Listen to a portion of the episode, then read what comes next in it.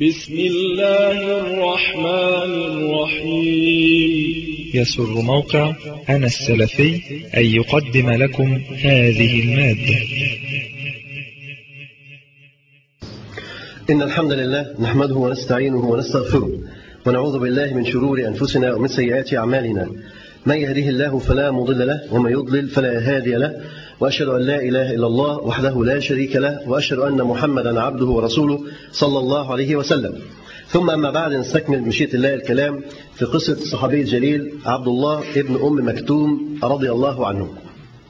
وكنا قد أخذنا فكرة يسيرة على أسباب الفتور لأن عبد الله بن مكتوم رضي الله عنه من الشخصيات التي لم تبتلى بهذا الفتور لم تبتلى بهذا الكسل بعد الحركة وبعد النشاط لم تبتلى بالتوقف بعدما كانت تدعو وتعمل لدين الله سبحانه وتعالى لكنه مع أنه كان يتعرض للضغط والإيذاء والابتلاء لكنه كان صامدا رضي الله عنه وضربنا كذلك أمثلة عن هؤلاء الصحابة الأجلاء الأفاضل الذين عذبوا وأوذوا في سبيل الله تبارك وتعالى. فما لانت لهم قناة ولا فطرت لهم همة ولا عزيمة ولا حماسة ولا ضعف لهم إيمان.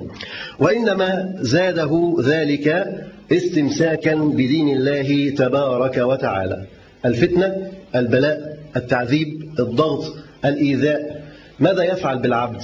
أنت إذا كنت مؤمنا ثم تعرضت لإيذاء أو فتنة أو ابتلاء أو أي شيء ماذا تفعل؟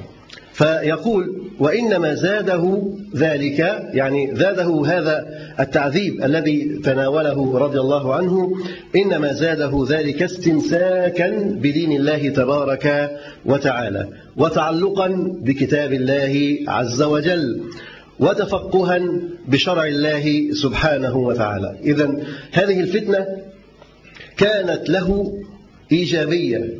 هذه الفتنة كانت له محض نعمة وفضل ومنة من الله تبارك وتعالى. هذه الفتنة كانت منحة لهذا الصحابي الجليل لأن العبد يفترق حاله وشأنه أمام هذه الفتنة.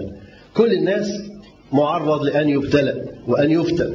لكن الناس كذلك لا يشتركون في ردود الأفعال. أنت معرض أنك تفتن وهذا أيضا معرض أنه يفتن لكن رد فعل كل واحد ده ممكن يشرب الفتنة ممكن يتأثر بالفتنة ممكن ينساق وراء الفتنة ممكن يرتد ممكن يرجع ممكن يترك الطريق لكن آخر يصمد يثبت لا يتزعزع عن طريقه كما قال ربنا سبحانه وتعالى ومن الناس من يعبد الله على حرف فإن أصابه خير اطمأن به وإن أصابته فتنة انقلب على وجهه خسر الدنيا والآخرة. ذلك هو الخسران المبين. هذا حال بعض الناس تصيبهم الفتنة. قال الله عز وجل ومن الناس من يعبد الله على حرف. يعني على حرف؟ هم؟ إيه؟ قليل من الإيمان. هم؟ على حال وعلى حال. هم؟ عدم ثبات. يعني تردد. ضعف إيمان. تردد. من الناس من يعبد الله عز وجل على تردد. عدم ثقة. عنده تردد. لم يكن عنده الإيمان الكامل. إيمانه ضعيف. يعبد الله عز وجل على حرف. هذا إيمانه لا يقيمه على طريق أمام الفتنة. أول ما تجيله الفتنة أول ما يصطدم بالفتنة ماذا يفعل؟ ده كان بيعبد الله على حرف على تردد. يعني ماشي لو الأمور أصبحت طيبة وجميلة والدنيا أشرقت أمامه خلاص أهو مكمل. عبادة وطاعة وهو مسلم. لكن لو الدنيا أظلمت والشرور والكروب أحاطت به ماذا يفعل؟ يعود القهقري ويرجع ويرتد عن دينه والعياذ بالله. ومن الناس من يعبد الله على حرف. فإن أصابه خير اطمأن به. لو أصابته نعمة منة فضل من الله عز وجل اطمأن بهذا الدين. ان هو على الدين المتين وان هو على الحق المبين. ده انت لما تجيله نعمة. دخل في الإسلام ولقى مفيش تعذيب مفيش إيذاء مفيش اضطهاد مفيش أموال بتسلب مفيش أعراض بتنتهك مفيش مفيش مفيش فلا العملية وردية. فيطمئن لهذا الدين. يقول والله هذا دين طيب هذا دين جميل. فيطمئن به. وبمجرد ما تصيبه فتنة يصيبه ضرر يصيبه أذى في ذاته أو في ماله أو في وظيفته أو في عرضه أو في جاهه ماذا يحدث له؟ ينقلب على عقبه ينقلب على وجهه يرتد لا يصمد لا يثبت لأنه كان يعبد الله عز وجل على حرف كأنه يقف على حرف جبل على حافة جبل متردد خايف يقع وساعات يمسك نفسه يقع يمسك نفسه أول ما يجيله الفتنة بيحصل إيه فيه ده؟ يجي له شوية ريح جامدين يحصل فيه إيه؟ يقع على طول. لكن الإنسان الصامد الثابت لا تزعزعه هذه الرياح. لا تزعزعه هذه الرياح يصمد. ولكن الإنسان المبتلى والعياذ بالله يقول سبحانه وتعالى انقلب على وجهه خسر الدنيا والآخرة. خسر الدنيا بردته لم ينل منها ما أراد. كان عايز الأمن والاطمئنان والأموال والجاه والسلطان ما نالش.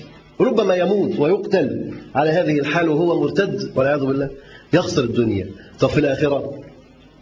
الذي بعد عن دين الله عز وجل والذي نكص على عقبه والذي ارتد عن الدين ماذا يحدث له؟ خسر الدنيا والآخرة. طب إيه رأيك في هذا الخسران؟ في أبين وأعظم من هذا الخسران؟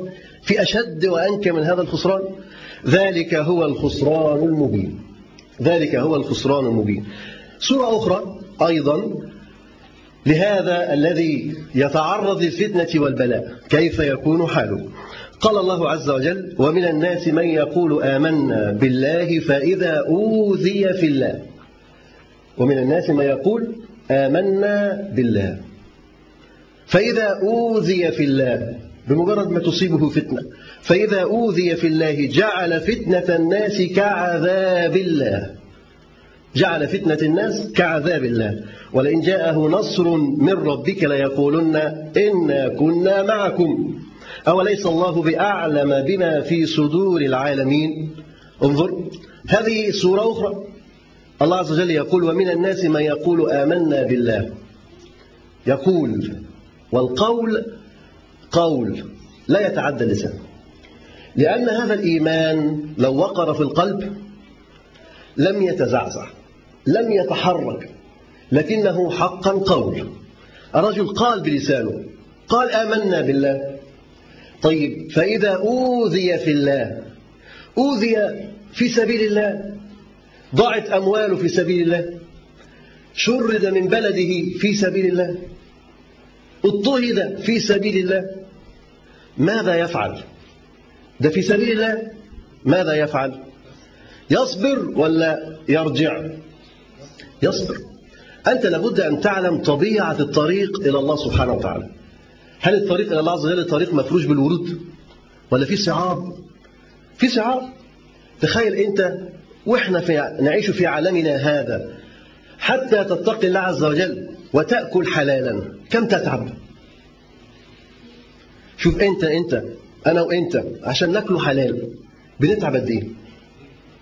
مش بقى بتروح تشتغل ومن 12 ل 4 لأ بتتعب قد إيه عشان تلاقي حاجة حلال؟ تيجي تشتري بوتاجاز ولا ثلاجه ولا ولا تبص يقول لك البنك والبنك يجيب لك وانت تجيب للبنك وادفع للبنك ودخلنا البنك والربا دخل في حياة الناس في كل حاجة. في كل حاجة دخلت دخلت الأموال الربوية في حياة الناس. تيجي أنت تتحرى الحلال تيجي تزور قريبك تبص ليه شغال في البنك طب اكون من ماله ولا ما كنتش من ماله تيجي تعمل شغال فين؟ ده مش شغال فين؟ الرزق الحلال بقى صعب. تروح عند واحد تبص بياخد رشوة. طب أكل من أكله ولا ما أكلش؟ تخيل واحد قريبك قريبك وأنت عارف إن ده فاتح الدرج وعمال ياكل في رشاوي طب ده تاكل عنده؟ أصبحت تزور قرايبك ما أنتش عارف تاكل عندهم. تعمل مش عارف تعمل مش عارف عشان تأكل رزق حلال. أنت تعبان؟ مش قادر مش عارف. الحلال ضيق. أصبحت دائرة الحلال في عصرنا ضيقة. والحرام والعياذ بالله أصبح واسع. مثال آخر. تعالى أنت النهاردة حاول تغض بصرك. كم من المعاناة تلاقيها حتى تغض بصرك. معاناة؟ وأي معاناة؟ كان أصحاب الرسول عليه الصلاة والسلام حينما يؤمرون بغض الأبصار يغض بصره عن إيه؟ دي واحدة لابسة أسود ومعدية مش باينة أصلا. دي هي مش باينة. دي مجرد حاجة هيكل معدي لابس أسود. ده لا شاف وشه ولا شاف ظهر هيغض بصره عن إيه؟ ومع ذلك مأمور بغض البصر. ما تشوفش جسمها وهي معدية النهارده انت بتشوف جسمها عاري والعياذ بالله. هتغض بصرك. إزاي؟ لازم تغض بصرك. ما نقولش بقى صعب ومستحيل لازم. بس أنا بتكلم على المعاناة. النهارده يمشي في أي مكان وحاول تمشي كده رافع راسك وما تبص وتبص يمين وشمال براحتك. تقدر؟ ما تقدرش.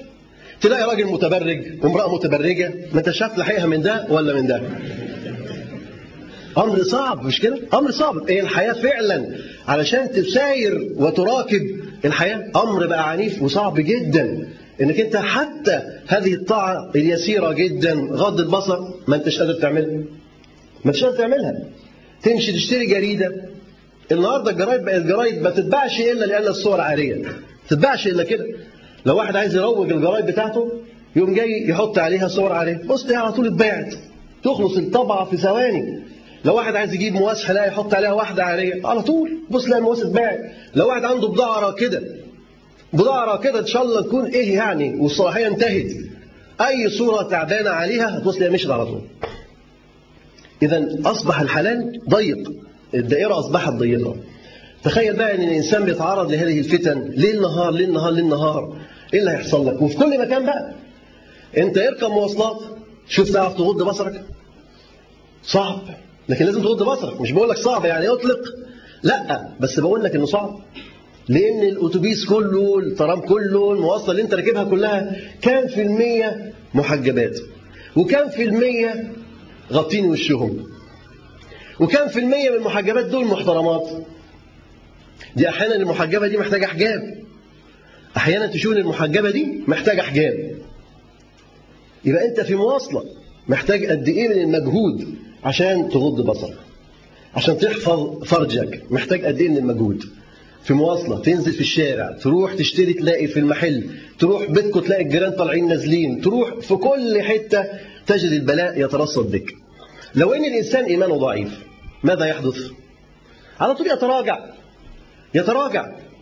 زمان كانوا الشباب يتناول الصور العاريه في صور بقى ومجلات ويقول لك دي مجلة مش عارف إيه وجايبينها بكام ويخبيها تحت السرير وتحت البطانية. النهارده بقى بالبلوتس على طول. على طول بالبتاع ده محاميل والبلوتس وأفلام متحركة والعياذ بالله. يعني المجلات دي بقت موضة قديمة. بقت موضة قديمة خلاص. ظهرت حاجات جديده كتيرة تحض على الفساد تحض على الفتنة. تحتاج فعلا لإيمان قوي حتى لا يتزعزع الإنسان ولا يرجع عن طريقه. طبعا الشاب الذي يلتزم حديثا يعاني معاناة وأي معاناة حينما يجد هذه الفتن الكثيرة أمامه ويحاول تركها. هيترك إيه ولا يترك إيه ولا يترك إيه؟ بس لازم يترك ولا لأ؟ لازم يترك.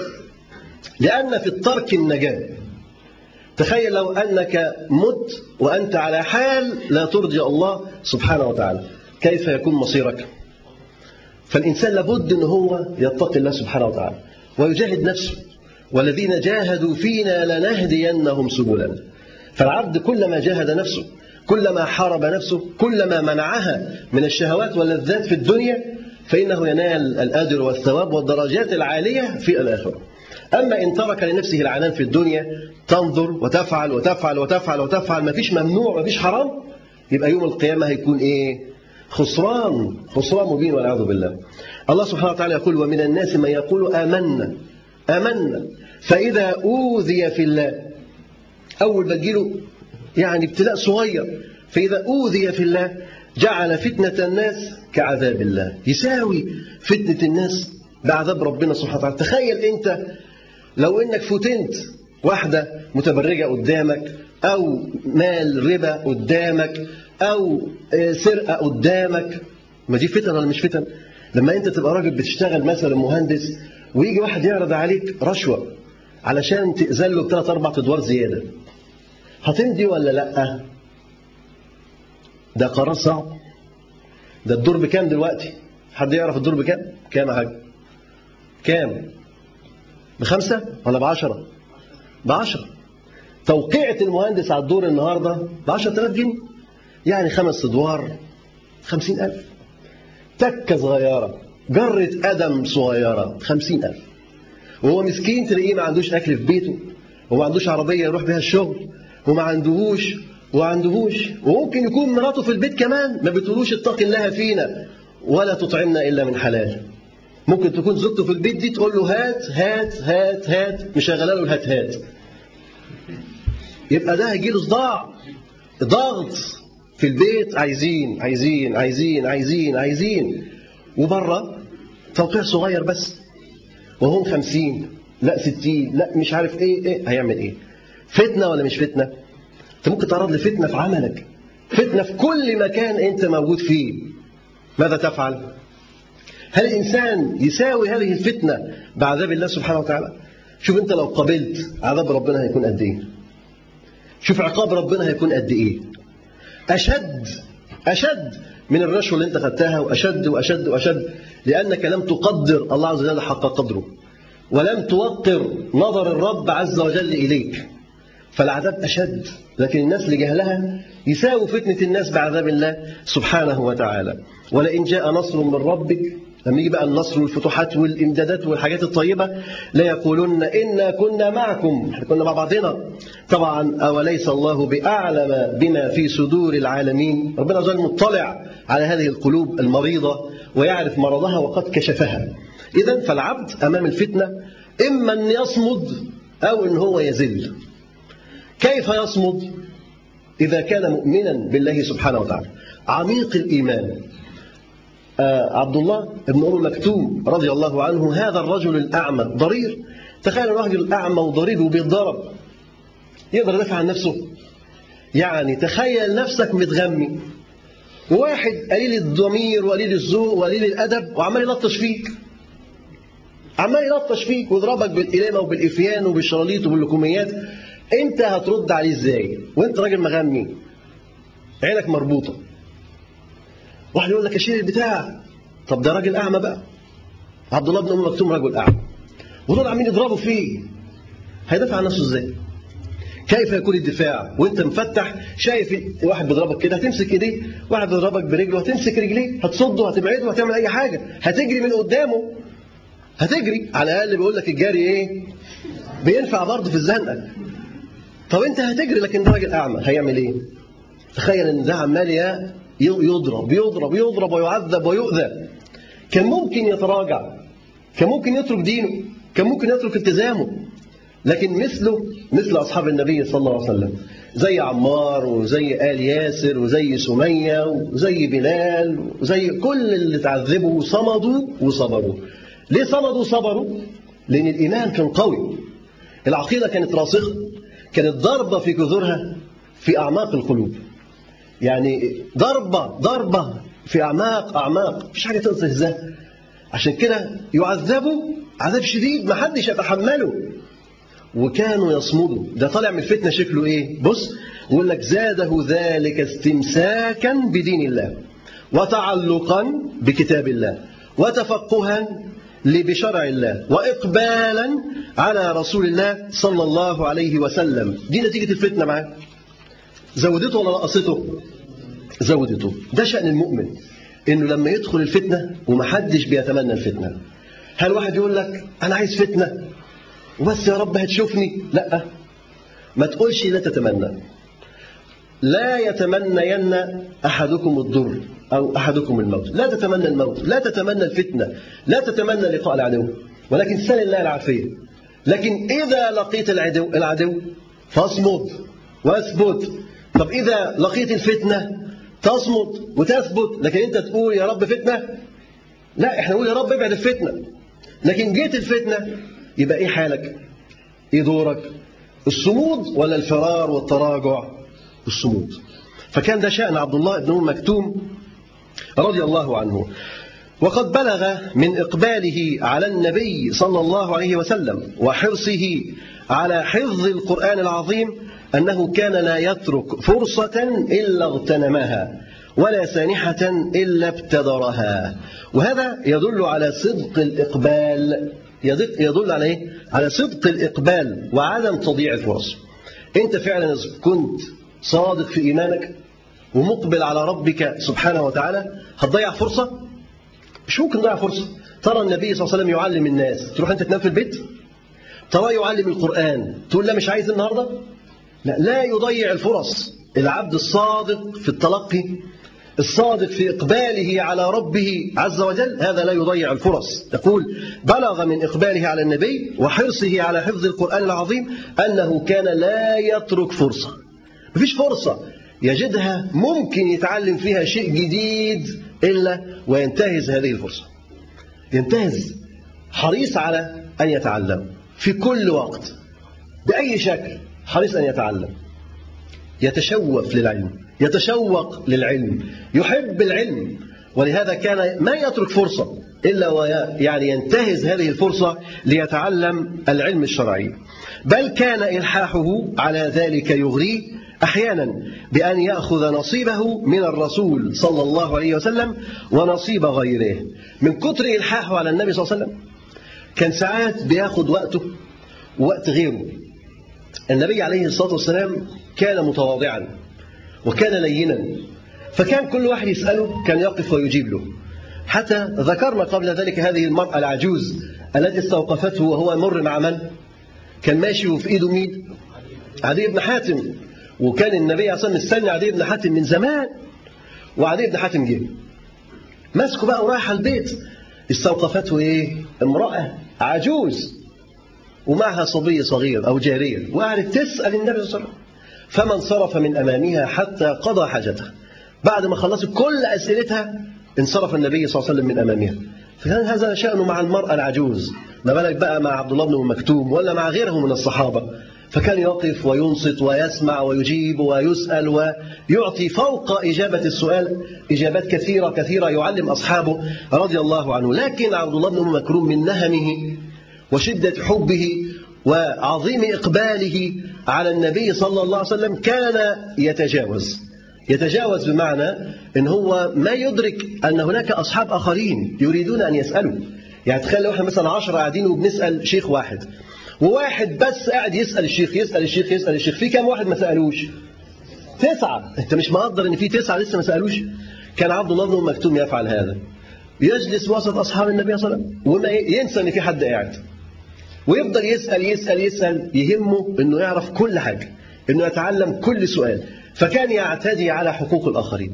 وهذا أدب لابد أن إحنا نتعلمه أن إحنا لا نعتدي على حقوق الآخرين. بس كنا مثلا في زيارة شيخ والمفترض إن إحنا نناقشه وكل واحد يطرح استفسار أو سؤال يبقى واحد بس يفضل يتكلم ولا نترك المجال لواحد وبعدين الثاني والثالث حتى إن الجميع كلهم يناقشوا. وجميع كلهم يسألوا أسئلتهم. نترك المجال إن كل واحد يسأل سؤال. لا نعتدي على حقوق إخواننا ولا نأخذ أوقاتهم من الدعاء إلى الله سبحانه وتعالى. كان رضي الله عنه يسأل النبي صلى الله عليه وسلم في كل أحيانه. يجده متجه إلى الكعبة. يمشي معاه ويسأله. يجد جالس وسط حلقة من أصحابه. يجلس معه ويسأله. يجد في طريقه لدعوة أناس من الجاهلية. يقف معه ويسأله. يعني ما كانش بيفرط في وقت. أي وقت يشوف النبي عشان فيه أو يحس بوجود الرسول عليه الصلاة والسلام فيه يبدأ يسأل حتى يشفي يعني رغبته من التعلم هذا العلم الشرعي. وكان الرسول صلى الله عليه وسلم في هذه الفترة كثير التصدي لسادات قريش. في المرحلة دي كان لسه النبي صلى الله عليه في مكة ولا في المدينة؟ في مكة. فكان كثير التصدي لقريش. واضح إن إحنا بدأنا ندخل في إيه؟ في مرحلة بعد الثلاث سنين. بعد المرحلة السرية تماما في دعوة النبي صلى الله عليه وسلم بدأ الرسول عليه الصلاة والسلام يواجه المجتمع ويجلس مع سادات قريش يكلم ده ويكلم ده ويكلم ده. فكانت المرحلة مرحلة مناقشة فكرية ومناظرة فكرية والرسول عليه الصلاة والسلام يطرح دينه وقضاياه وعقائده ومبادئه وقيمه. ويناقش أعداء الإسلام والكفرة يناقشهم في هذا الدين العظيم. وكان شديد الحرص على إسلامهم صلى الله عليه وسلم. فالتقى ذات يوم بعتبة ابن ربيعة وأخيه شيبة بن ربيعة وعمر بن هشام المكنى بأبي جهل وأمية بن خلف والوليد بن المغيرة. أبو مين الوليد بن المغيرة؟ أبو سيدنا خالد بن الوليد رضي الله عنه. وطفق يفاوضهم ويناجيهم ويعرض عليهم الإسلام. مثلا التقى بهذه المجموعة مجموعة الطواغيت هذه التقى بها الرسول عليه وقعد يناقشها. لماذا؟ ماذا يريد منهم صلى الله عليه وسلم؟ ما الهدف من المناقشة؟ أنت حينما تدخل في مناقشة وحوار مع أحد لابد أن يكون المناقشة محددة الأهداف. أنت بتناقش الإنسان دوت ليه؟ عايز توصل معاه لإيه؟ لازم يكون في أهداف هدف أول هدف تاني. وهذه الأهداف يكون فيها تدرج؟ الأهداف دي يكون فيها تدرج يكون فيها هدف قوي جدا. طب لو ما قدرتش؟ يبقى الهدف اللي بعديه يفرق عنه كتير؟ ما يفرقش عنه كتير يكون هدف أقل منه قليلا.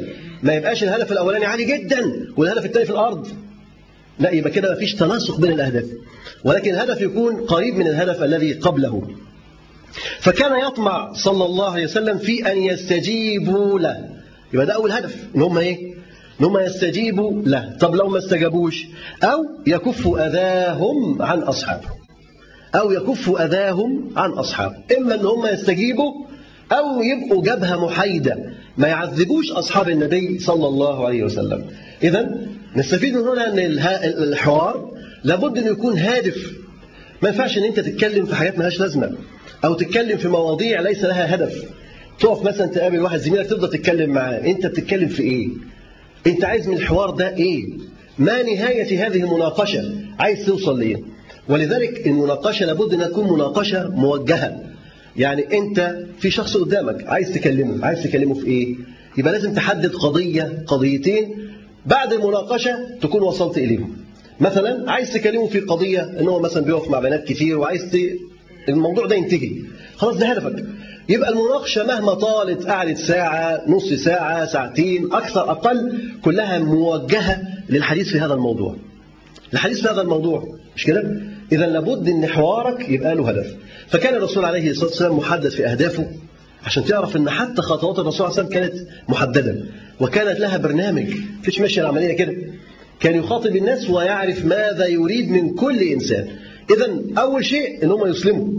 طب لو لم يسلموا يبقى يكفوا أذاهم. ما يأذوش المسلمين يبقوا جبهة محايدة. طبعا لا شك أن الأهداف دي أهداف سامية أم لا؟ سامية جدا. واللقاء ده لقاء عالي المستوى أم لا؟ عالي المستوى. ده النبي عليه الصلاة والسلام هو النبي المرسل. ويجلس مع من؟ يجلس مع صناديد قريش. أبو جهل وأبو لهب كل الطواغيت قاعدين. يعني زي ما تقول مجلس أمم كبير قوي وده قاعد معاهم النبي صلى الله عليه وسلم. مع الطواغيت والرؤوس كلها. طيب إذا هذا المكان وهذا المقام مقام دقيق ومقام يحتاج إلى إقناع وحوار ولا ولا يحتاج إلى تدخل. طب إيه رأيك لما عبد الله بن أم مكتوم يجي يتدخل ويقول للرسول عليه الصلاة والسلام يا رسول الله اقرئني آية كذا أو علمني آية كذا. يبقى هذا الوقت وقت مناسب أم غير مناسب؟ هذا الوقت غير مناسب. هذا الوقت غير مناسب. لكن إحنا بنعذر عبد الله بن أم مكتوم. لماذا؟ لماذا؟ لماذا؟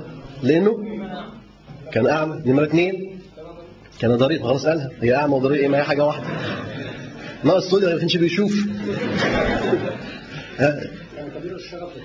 أنا كان كبير الشغف في التعلم. إيه تاني؟ ها؟ إيه إيه اللي أغراب كده؟ ها؟ كتر الأسئلة اللي عنده. إيه تاني؟ تواضع النبي عليه الصلاة والسلام إيه؟ استجابة الرسول عليه الصلاة والسلام إن هو تعود على كده. إن النبي صلى الله عليه وسلم على كده. إن هو في مجلس يجي يسأل فالنبي يجاوب له على سؤاله صلى الله عليه وسلم. وهو شايفه معدي في السكة يسأله ويجاوب له على سؤاله ماشي. يشوفه واقف مع ناس بيدعوهم يسأله ويجاوب له على سؤاله ماشي. فكان عبد الله بن مكتوم متعود إنه في أي وقت يسأل وفي أي وقت يتجاوب عليه. فهو جه المرة دي بيسأل. لكن الموقف كان حساس شوية وما كانش محتاج للتدخل ده. فالنبي عليه الصلاة والسلام ماذا فعل؟ عبس في وجهه وأعرض عنه. طب هو شافه؟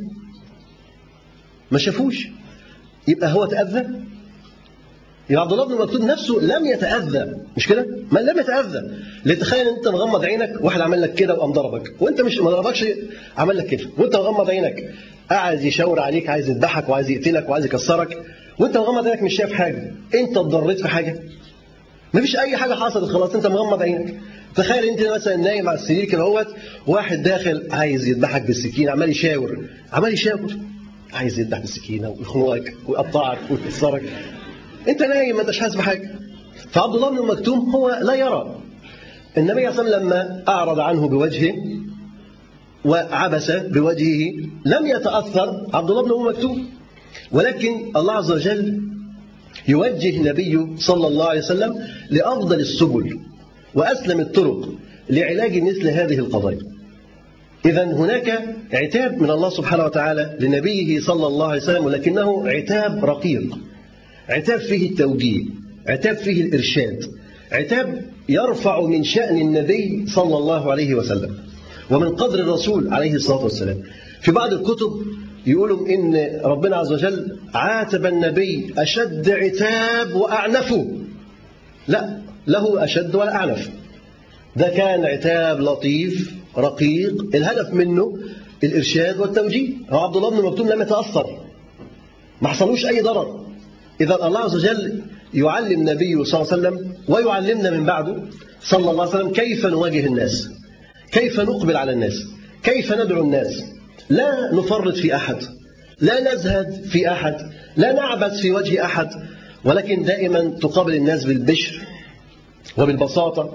وإنك تدرك أن المؤمن الواحد أحب إلى الله عز وجل من ملء الأرض من الكفرة.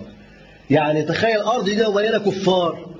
وفي واحد مؤمن مين أعز عند الله سبحانه وتعالى كفر دول كلهم ولا المؤمن ده لوحده؟ المؤمن ده لوحده. ده لو حط على الميزان يطيش بقية الكفة. كل اللي هناك دول يطيروا.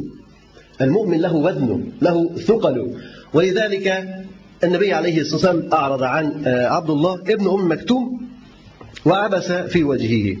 يقول بمجرد ما انتهى النبي عليه الصلاة والسلام من الحوار مع هؤلاء الكفرة إذ بجبريل ينزل على النبي صلى الله عليه وسلم مباشرة. انظر تصحيح المسار كيف يكون مباشرة. تصحيح المسار كيف يكون توجيه النبي عليه الصلاة والسلام مباشرة؟ مش بكرة ولا بعد بكرة بمجرد ما انتهى من الموقف يعاتبه ربه سبحانه وتعالى هذا العتاب اللطيف الخفيف وينزل جبريل بهذه الآيات التي نتلوها كل يوم. في قوله عز وجل عبس وتولى طبعا كلنا عارفين السورة. ركز معايا. عبس وتولى مين اللي عبس؟ مين عرفك؟ انت واحد بيقول لك عبس وتولى. من غير ما تقرأ تفسير السورة. انت عرفت حاجة؟ اذا هذا خطاب ضمير للغائب. في إجلال للرسول صلى الله عليه وسلم مش تشنيع بالرسول صلى الله عليه وسلم. صح؟ ده مش تشنيع. ولكن ده ضمير غائب. إجلالا للرسول صلى الله عليه وسلم. حتى يتوهم السامع أن غير النبي صلى الله عليه وسلم هو الذي صدر منه هذا السلوك. فقال تبارك وتعالى عبس وتولى.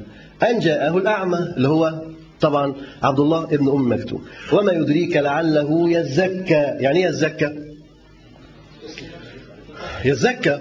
يعني لا دي سورة عبسة أنتم مش حافظين معاني الكلمات ولا إيه؟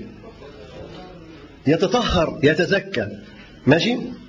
أو يذكر فتنفعه الذكرى. يعني ينتفع بهذه الذكرى التي يسمعها من النبي صلى الله عليه وسلم أما من استغنى اللي هم هؤلاء الكفار المذكور أسمائهم آنفا فأنت له تصدى أنت تتصدى لهؤلاء المعرضين الذين لا يقبلون عليك وتبعد عن هذا الذي أقبل.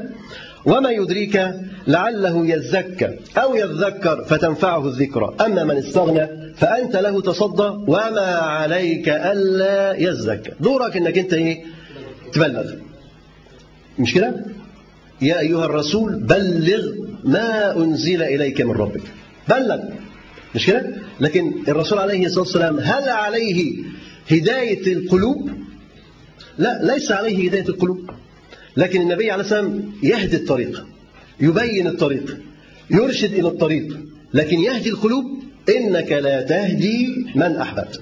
هداية القلوب ليست إلى النبي صلى الله عليه وسلم ولكن الله يهدي من يشاء.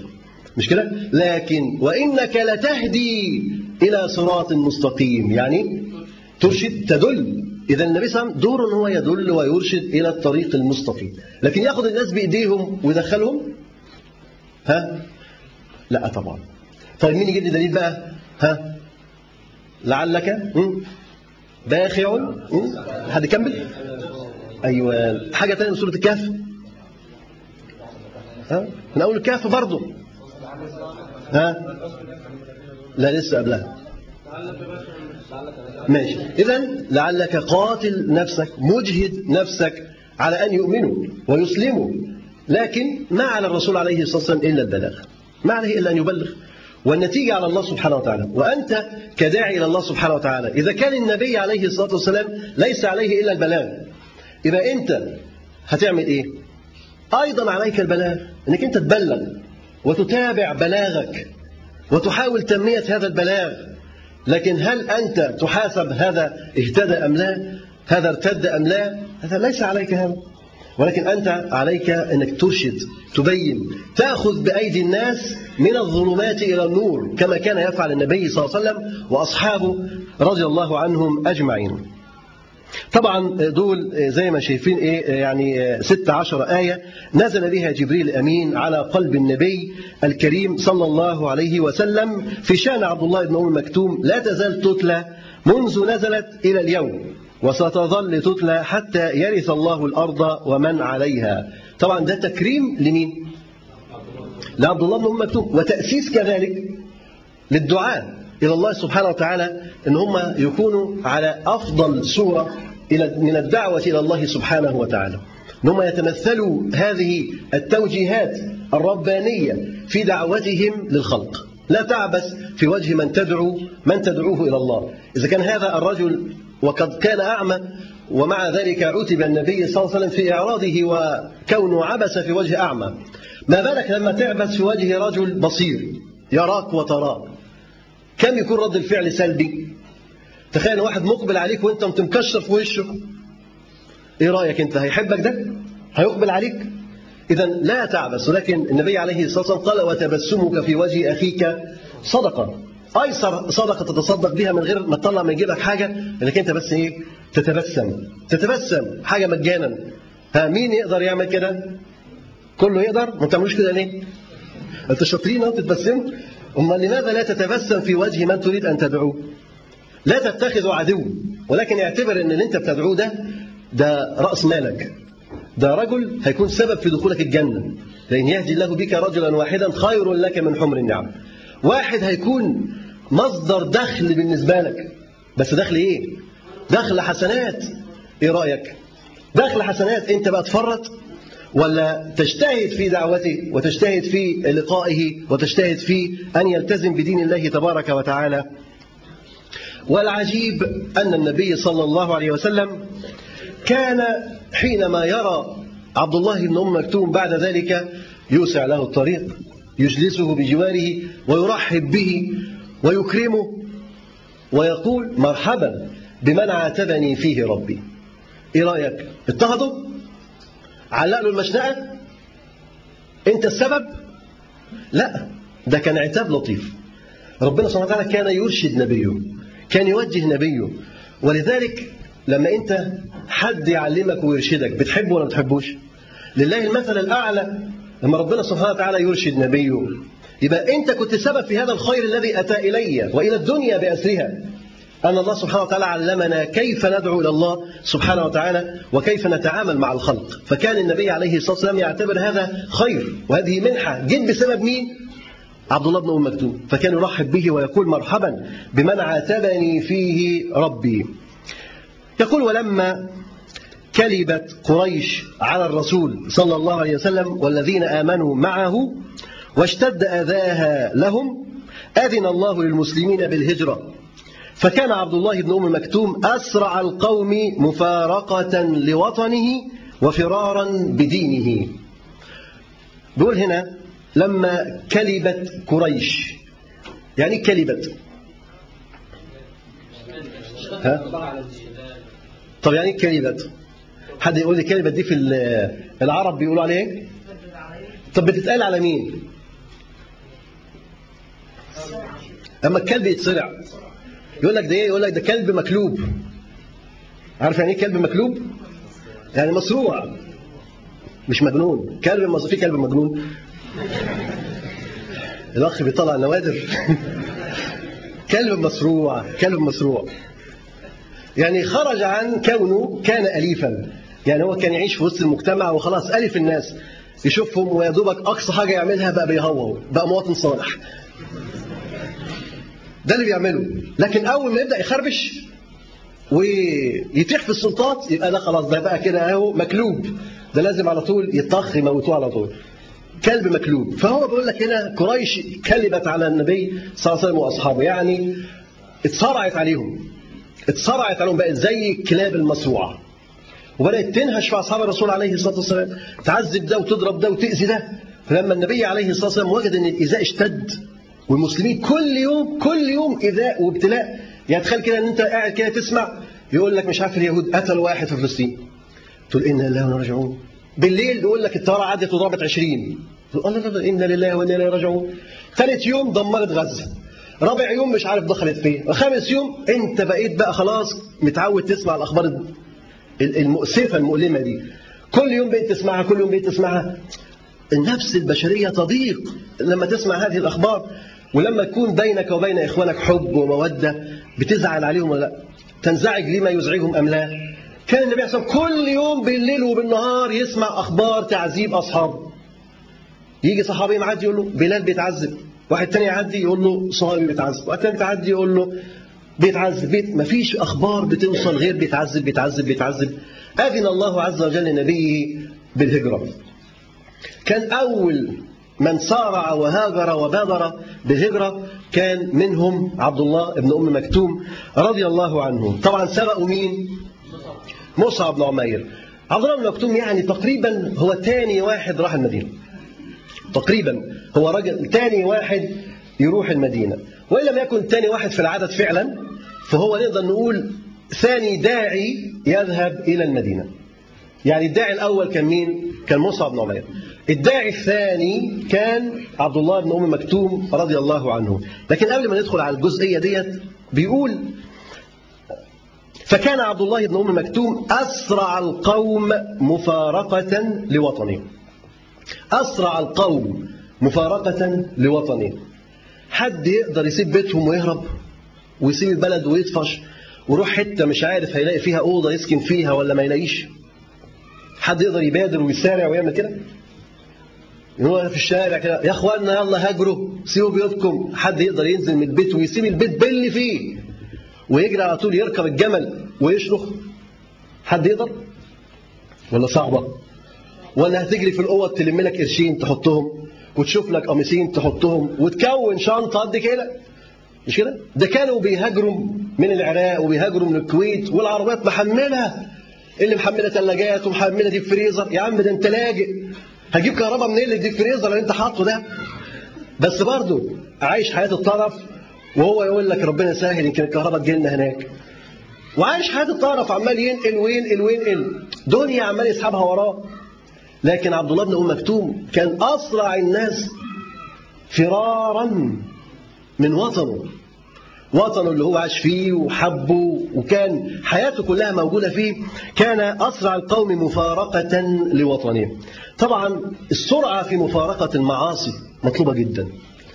السرعة في مفارقة المعاصي الهجرة مش هجرة الأبدان فقط لكن هجرة الذنوب والمعاصي أيضا هجرة. والإنسان كونه يهاجر يترك هذه النفس الآثمة التي تعصي وتذنب ليل نهار ويهاجر إلى نفس جديدة تأمره بالخير وبالبر وبالأمر بالمعروف والنهي عن المنكر وطاعة الرحمن سبحانه وتعالى. هذه هجرة مطلوبة كون الإنسان يهجر السجاير التي يشربها البذرة التي يشمها المخدرات التي يتعاطاها النساء التي يمشي معهن ويفعل كذا وكذا النظرات التي يطلقها كذا وكذا وكذا مما يفعله كل إنسان كل واحد له قاموس من المعاصي. هو عارفه. هو عارفه. قاموس ده مختلف. صفحاته مش زي بعضها. الصفحة الأولانية عندي مش زي الصفحة الأولانية عندك. كل واحد عنده قاموس وكل ورقة فيها معاصي وذنوب معاصي وذنوب مختلفة. كل واحد لازم يهجر هذه المعاصي والذنوب. انت أدرى بيها. يبقى لازم تهجرها. كل واحد مقيم على ذنب محافظ عليه لازم يهجره لازم يخرج منه إلى طاعة الله سبحانه وتعالى. هذا خرج من وطنه خرج من وطنه. أنت مش قادر تخرج من معصية مش قادر تخرج من أسر سيجارة مش قادر تخرج من علاقتك ببنت مش قادر تخرج. ودول خرجوا من أوطانهم. ما أعجز الإنسان حينئذ. لما يكون مش قادر يترك ذنب ولا يترك معصية. وأصحاب الرسول عليه الصلاة والسلام يتركون الأوطان. ولكن لازم نرى لماذا تركوا الأوطان ونحن لا نقدر على ترك قليل من الذنوب والمعاصي والآثام. إنه الإيمان. الإيمان الذي استقر في قلوبهم وضعف في قلوبنا. في فرق كبير بين إيمان الصحابة رضي الله عنهم بل وأعماق هذا الإيمان في قلوبهم وبين الإيمان في قلوبنا نحن. إحنا كده أكننا أكننا عاملين زي اللي بيعبد الله على حرف والعياذ بالله. إيمان ضعيف يحتاج إلى أن يقوى. مش بنقول إن إيمان ضعيف عشان نقوله خلاص بقى فكنا منه لأ مش خلاص بقى. إيمان ضعيف نقويه لما إنسان يكون مريض نقتله ولا نعالجه؟ نعالجه. فكان إيماننا مريض قلوبنا مريضة إيماننا ضعيف نقويه ونقويه ونعالجه ولا نسيبه يموت. لابد أن نعالج نفوسنا نعالج قلوبنا. لابد أن نترك لله سبحانه وتعالى. والنبي صلى الله عليه وسلم يقول من ترك شيئا لله عوضه الله خيرا منه.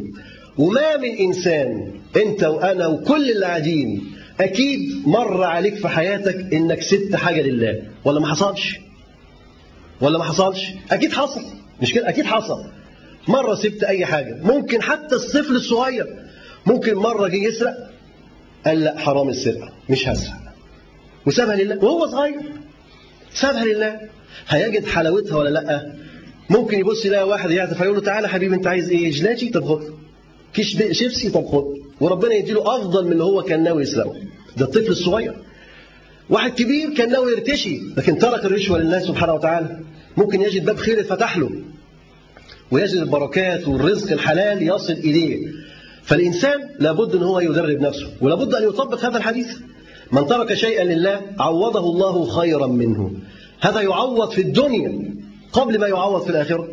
يعني تجد لذة وحلاوة في الدنيا قبل ما تجد اللذة والحلاوة اللي في الآخرة. دول لذتين وحلاوتين لذة في الدنيا ولذة في الآخرة. لذة الترك. كما أن الفعل عبادة فإن الترك كذلك عبادة. كما أن الفعل لله عز وجل عبادة فإن الترك كذلك لله عبادة. مش في متروكات في ديننا ولا إيه؟ ترك الزنا عبادة ولا مش عبادة؟ ترك الفواحش والمنكرات عبادة ولا مش عبادة؟ ترك الشرك عبادة ولا مش عبادة؟ فالترك عبادة كما أن الفعل لله عز وجل عبادة. فالإنسان يعود نفسه أنه هو يترك. ولكن يترك ليه؟ هل يترك لأن المدير يراه؟ هل يترك لأن الرجل البائع يراه؟ هل يترك لأن هناك رقيب؟ أم يترك لأن الله يراه نحتاج إلى هذه المراقبة. نحتاج إلى هذه المراقبة. إنك بتترك لأن الله يراك. ده أنت ممكن تاخد ومحدش يقول لك حاجة لكن ربنا شايفك. وزي ما ضربنا مثل قبل كده هوت في المحلات بقى اللي هي راقية شوية زي مولات المفتوحة دي. أحيانا بيفتحوا حاجات كده اللي عايز يدخل يدوق يدوق.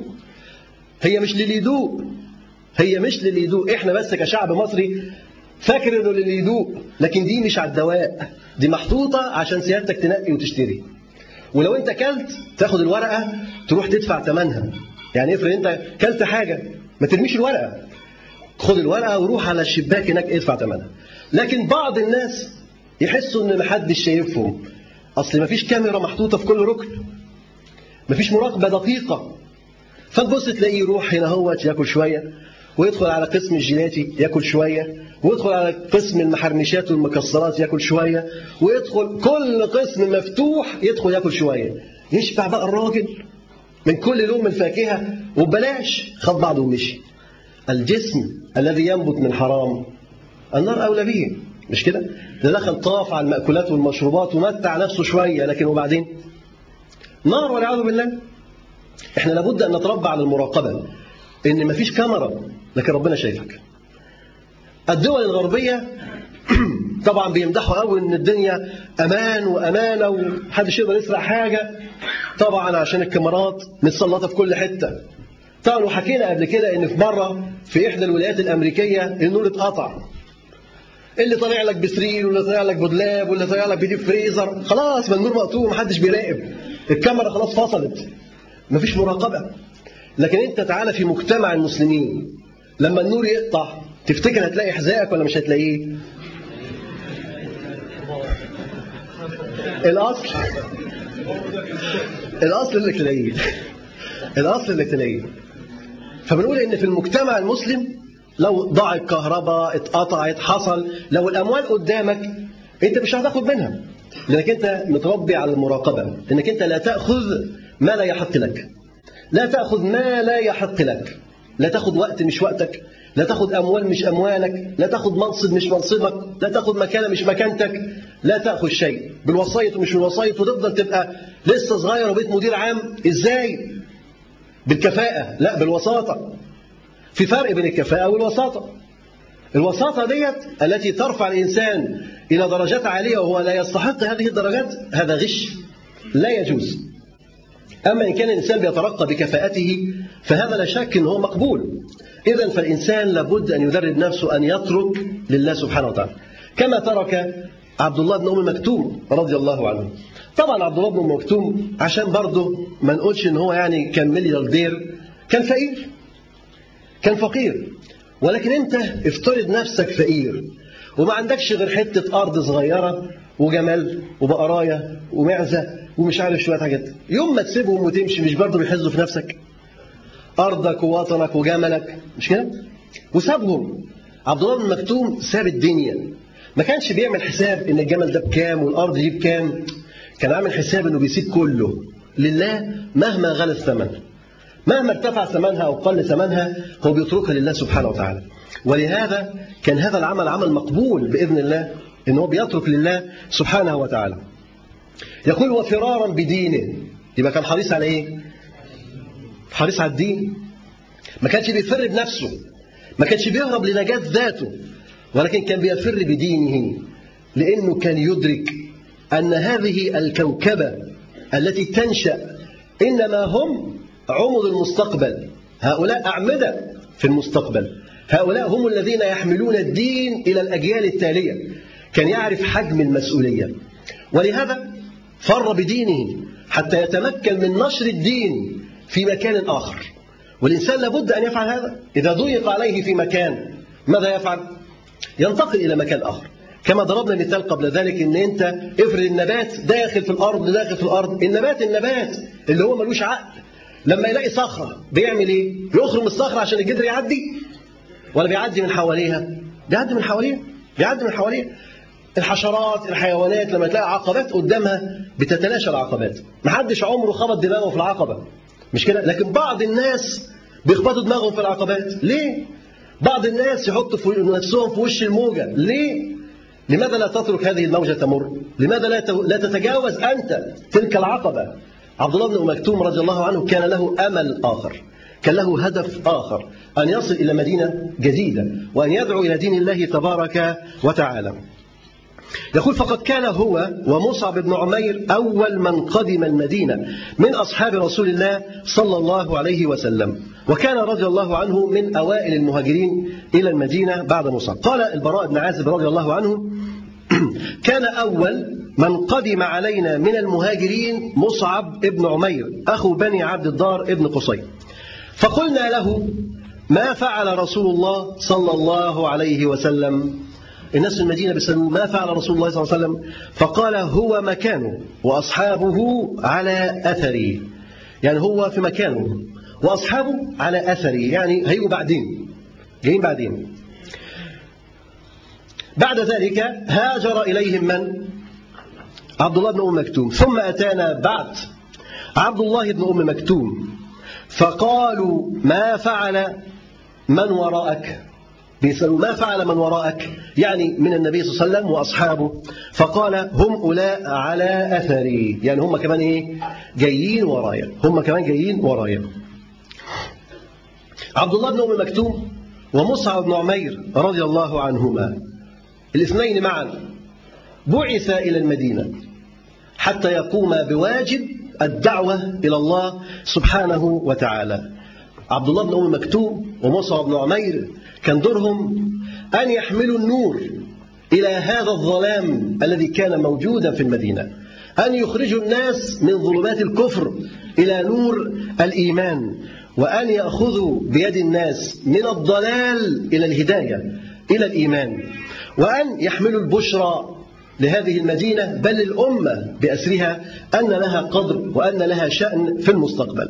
يقول وما إن بلغ عبد الله بن أم مكتوم يثرب حتى اتفق هو وصاحبه مصعب بن عمير يختلفان إلى الناس ويقرآنهم القرآن ويفقهانهم في دين الله. إيه المهمة اللي كانوا بيعملوها؟ أول ما وصلوا المدينة أول ما وصلوا المدينة يقول طفق هو وصاحبه.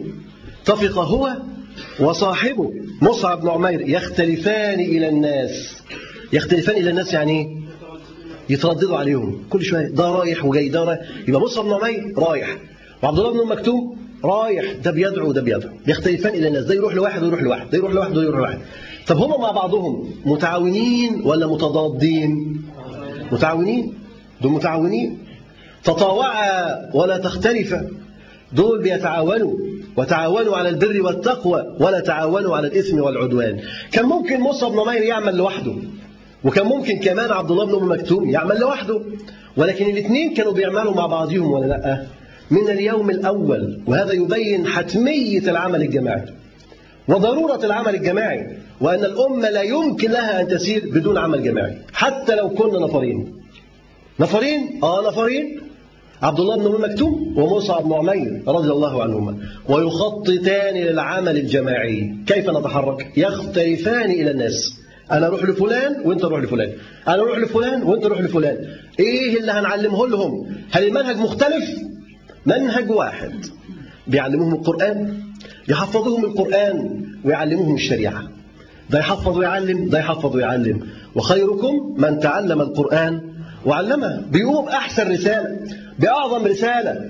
إذا هذه الرسالة لابد أن تستمر حتى يأتي النبي صلى الله عليه وسلم. وظل عبد الله بن أم مكتوم رضي الله عنه يؤدي هذه الرسالة العظيمة ليهدي القلوب لاستقبال الرسول صلى الله عليه وسلم. توطئة وتهيئة حتى تستقبل هذه القلوب النبي صلى الله عليه وسلم. يقرآنهم القرآن ويفقهانهم في دين الله. الفقه يعلمهم الدين يعلمهم العقيدة يعلمهم الشريعة ويحفظوهم القرآن. انظر إلى المنهج ويقول ولما قدم الرسول صلى الله عليه وسلم إلى المدينة اتخذ عبد الله ابن أم مكتوم وبلال بن رباح مؤذنين للمسلمين. وأخذ معهم واحد ثالث. اسمه إيه؟ لا ما هو بلال ما أنا قلت بلال قلت بلال ومين تاني؟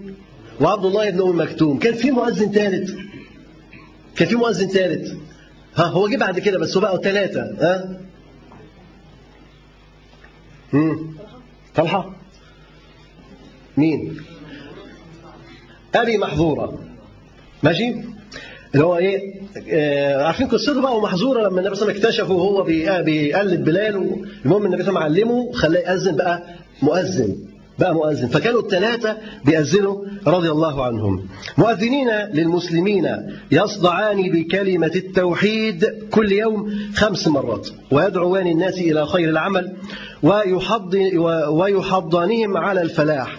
فكان بلال يؤذن وابن أم مكتوم يقيم الصلاة وربما أذن ابن أم مكتوم وأقام بلال. يعني كانوا بيتناوبوا مع بعضهم ده يأذن وده يقيم ده يقيم وده يأذن ما كانتش مشكلة بالنسبة له وكان لبلال وابن أم مكتوم شأن آخر في رمضان. في رمضان كان بلال له دور في الأذان. كان بيأذن أنه أذان الناس السنية بقى عارفين بيأذنوا أذانين ليه؟ عشان في أذان أولاني بتاع بلال والأذان الثاني بتاع مين؟ عبد الله بن أم مكتوم رضي الله عنه. كان لبلال وابن أم مكتوم شأن آخر في رمضان. فقد كان المسلمون في المدينة يتصحرون على آذان أحدهما ويمسكون عن آذا عند آذان الآخر. كان بلال يؤذن بليل. بليل يعني قبل دخول الفجر ولا بعد دخول الفجر؟ قبل دخول الفجر. وكان ابن أم مكتوم يتوخى الفجر فلا يخطئه. يتوخى الفجر فلا يخطئه. طب إزاي؟ ده ما بيشوفش الفجر. هيشوفه إزاي وهيعرفه إزاي؟ بيسأل. بقراءة خمسين آية. ها؟ تفتكر؟ ها؟ الصحابة كانوا بيقولوا له. كانوا هم الصحابة بيقولوا له أصبحت أصبحت. فهم جاي إيه؟ مأذن. آه كانوا يقولون له إيه؟ أصبحت.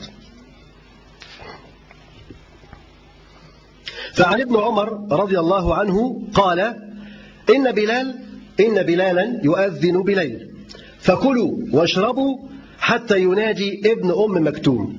وكان أعمى لا ينادي حتى يقال له أصبحت أصبحت.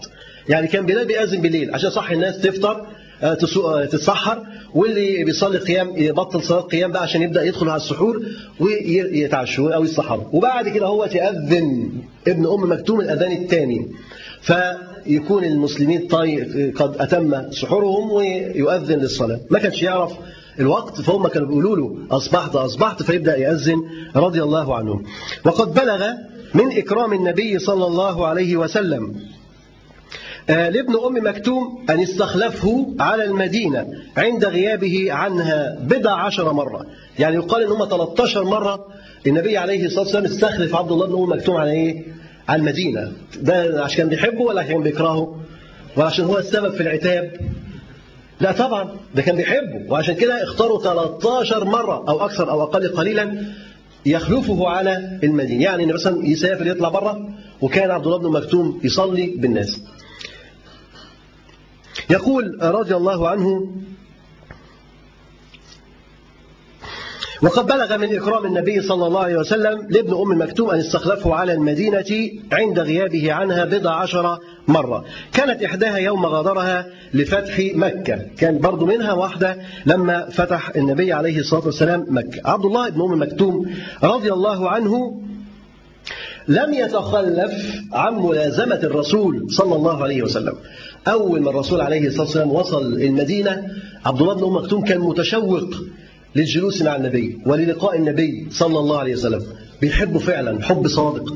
ولذلك عندما رآه لم يتركه ولكن كان يصاحبه ويلازمه ملازمة الظل لصاحبه. ما كان يفارقه؟ فيقول كان ابن أم مكتوم يلازمه صلى الله عليه وسلم ملازمة الرجل لظله. يقتبس من هديه وعلمه فلم يتخلف. اسمع فلم يتخلف عن صلاة واحدة خلف النبي صلى الله عليه وسلم. لم يتخلف عن إيه؟ ولا صلاة تخلف عنها خلف النبي صلى الله عليه وسلم. شوف قد إيه حرصه على الصلاة خلف الرسول صلى الله عليه وسلم. ولا مرة يتخلف عن الصلاة خلف الرسول صلى الله عليه وسلم. يقول ولم يغب عن حلقة واحدة من حلقات العلم. انظر إلى المواظبة. ولا حلقة علم تغيب عنها ابن أم مكتوم. ولا صلاة تخلف عنها ابن أم مكتوم. وكان أعمى كان يحتاج إلى من يأخذ بيده حتى يأتي إلى المسجد عشان يصلي وعشان يحضر الدرس. أنت محتاج حد عشان تيجي تصلي؟ محتاج حد عشان تيجي الدرس؟ ده ما كانش بيتخلف مرة عن حلقات الرسول صلى الله عليه وسلم. كل واحد بقى يعمل لنفسه حساب كده أهو. ويحط في دماغه أي درس من مدارس من دروس مشايخنا اللي هو مواظب عليه قوي وشوفوا حضر قد إيه وغاب قد إيه. درس تكون أنت إيه من الدروس بتاع مشايخنا اللي أنت بتعزهم وتحبهم وأن أنت راجل مواظب. شوف نفسك حضرت قد إيه وغبت قد إيه. داخل على 50% يعني 50% تخلف ولا كتير قوي. قول 70% حضور يعني 30% تخلف. ومفيش أي عائق. في عائق أكتر من إنه يكون أعمى. في عائق أكتر من كده؟ إنه يكون أعمى. لا يجد من يقود إلى المسجد ومع ذلك لا يتخلف عن حلقة العلم. ليه؟ عايز يتعلم. ده الصادق بقى فعلا. ده الصادق اللي هو عايز يتعلم. اللي بيجي رغم إنه أعمى مش اللي ما بيجيش عشان مش لاقي مواصلة مش اللي ما بيجيش عشان معهوش فلوس يوصل مش اللي ما بيجيش عشان الوقت ضيق مش اللي ما بيجيش عشان عنده مذاكرة مش اللي ما بيجيش عشان عنده مش عارف إيه. لا. ده كان أعمى. مفيش أي عائق كان يعوقه عن الوصول إلى طلب العلم. يعني إيه نسيبه كلياتنا ونحضر الدروس بقى ويبقى؟ لأ. يعني هو أنت ما بتذاكرش غير أيام ال- الامتحانات. لو إنك طالب فعلا زي بقية الطلبة أو إنك أنت طالب يعني نموذجي المفترض إنك أنت بتذاكر يوم بيومه. علشان لما تيجي على الامتحان تبقى مذاكر. مش محتاج إنك أنت تكرس جهدك. عشان تقعد تذاكر. في ناس بقى ما تعرفش حاجة عن المناهج. ويجي آخر أسبوع ولا أسبوعين يدور له على ملزمتين هنا ولا ملزمتين هنا ولا أخ شاطر يفضل يذاكر له ويدخل الامتحان يبخ الكلمتين اللي حفظهم. زي السمكة يبخ الكلمتين اللي حفظهم. وربنا يكرمه ويجيب تقدير. واخد بالك؟ يجيب تقدير وينجح بس ده صح. مش صح. الصح إنه يعمل توازن في حياته.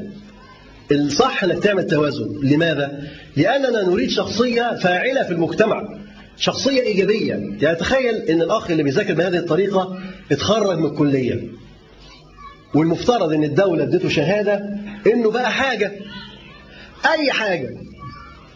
افرض حطوه في وظيفة. ممكن يفسد ولا يصلح؟ ده ما عندوش فكرة. ده كان بيذاكر على الماشي. كان بيذاكر المذكرات؟ لا. مذكرات المذكرات. يعني ملخص الملخص. يعني من الآخر الملخص المفيد. الأسئلة اللي جاية في الامتحان. يوم جاي مذاكرها ويحفظ هم 20 سؤال الدكتور ده مديهم جاي منهم خمسة. يذاكر ال 20 سؤال جم الخمسة جاب امتياز خلاص عدي. لكن ده ينفع لما يدخل مثلا على مريض هيفتح قلبه ويعمل له عملية قلب مفتوح. يبقى بقى الله يرحم المريض. مش كده؟ ما خلاص. ده يمكن ما يعرفش يمسك المشرط. مش كده؟ ده هيفسد. ده ما ينفعش.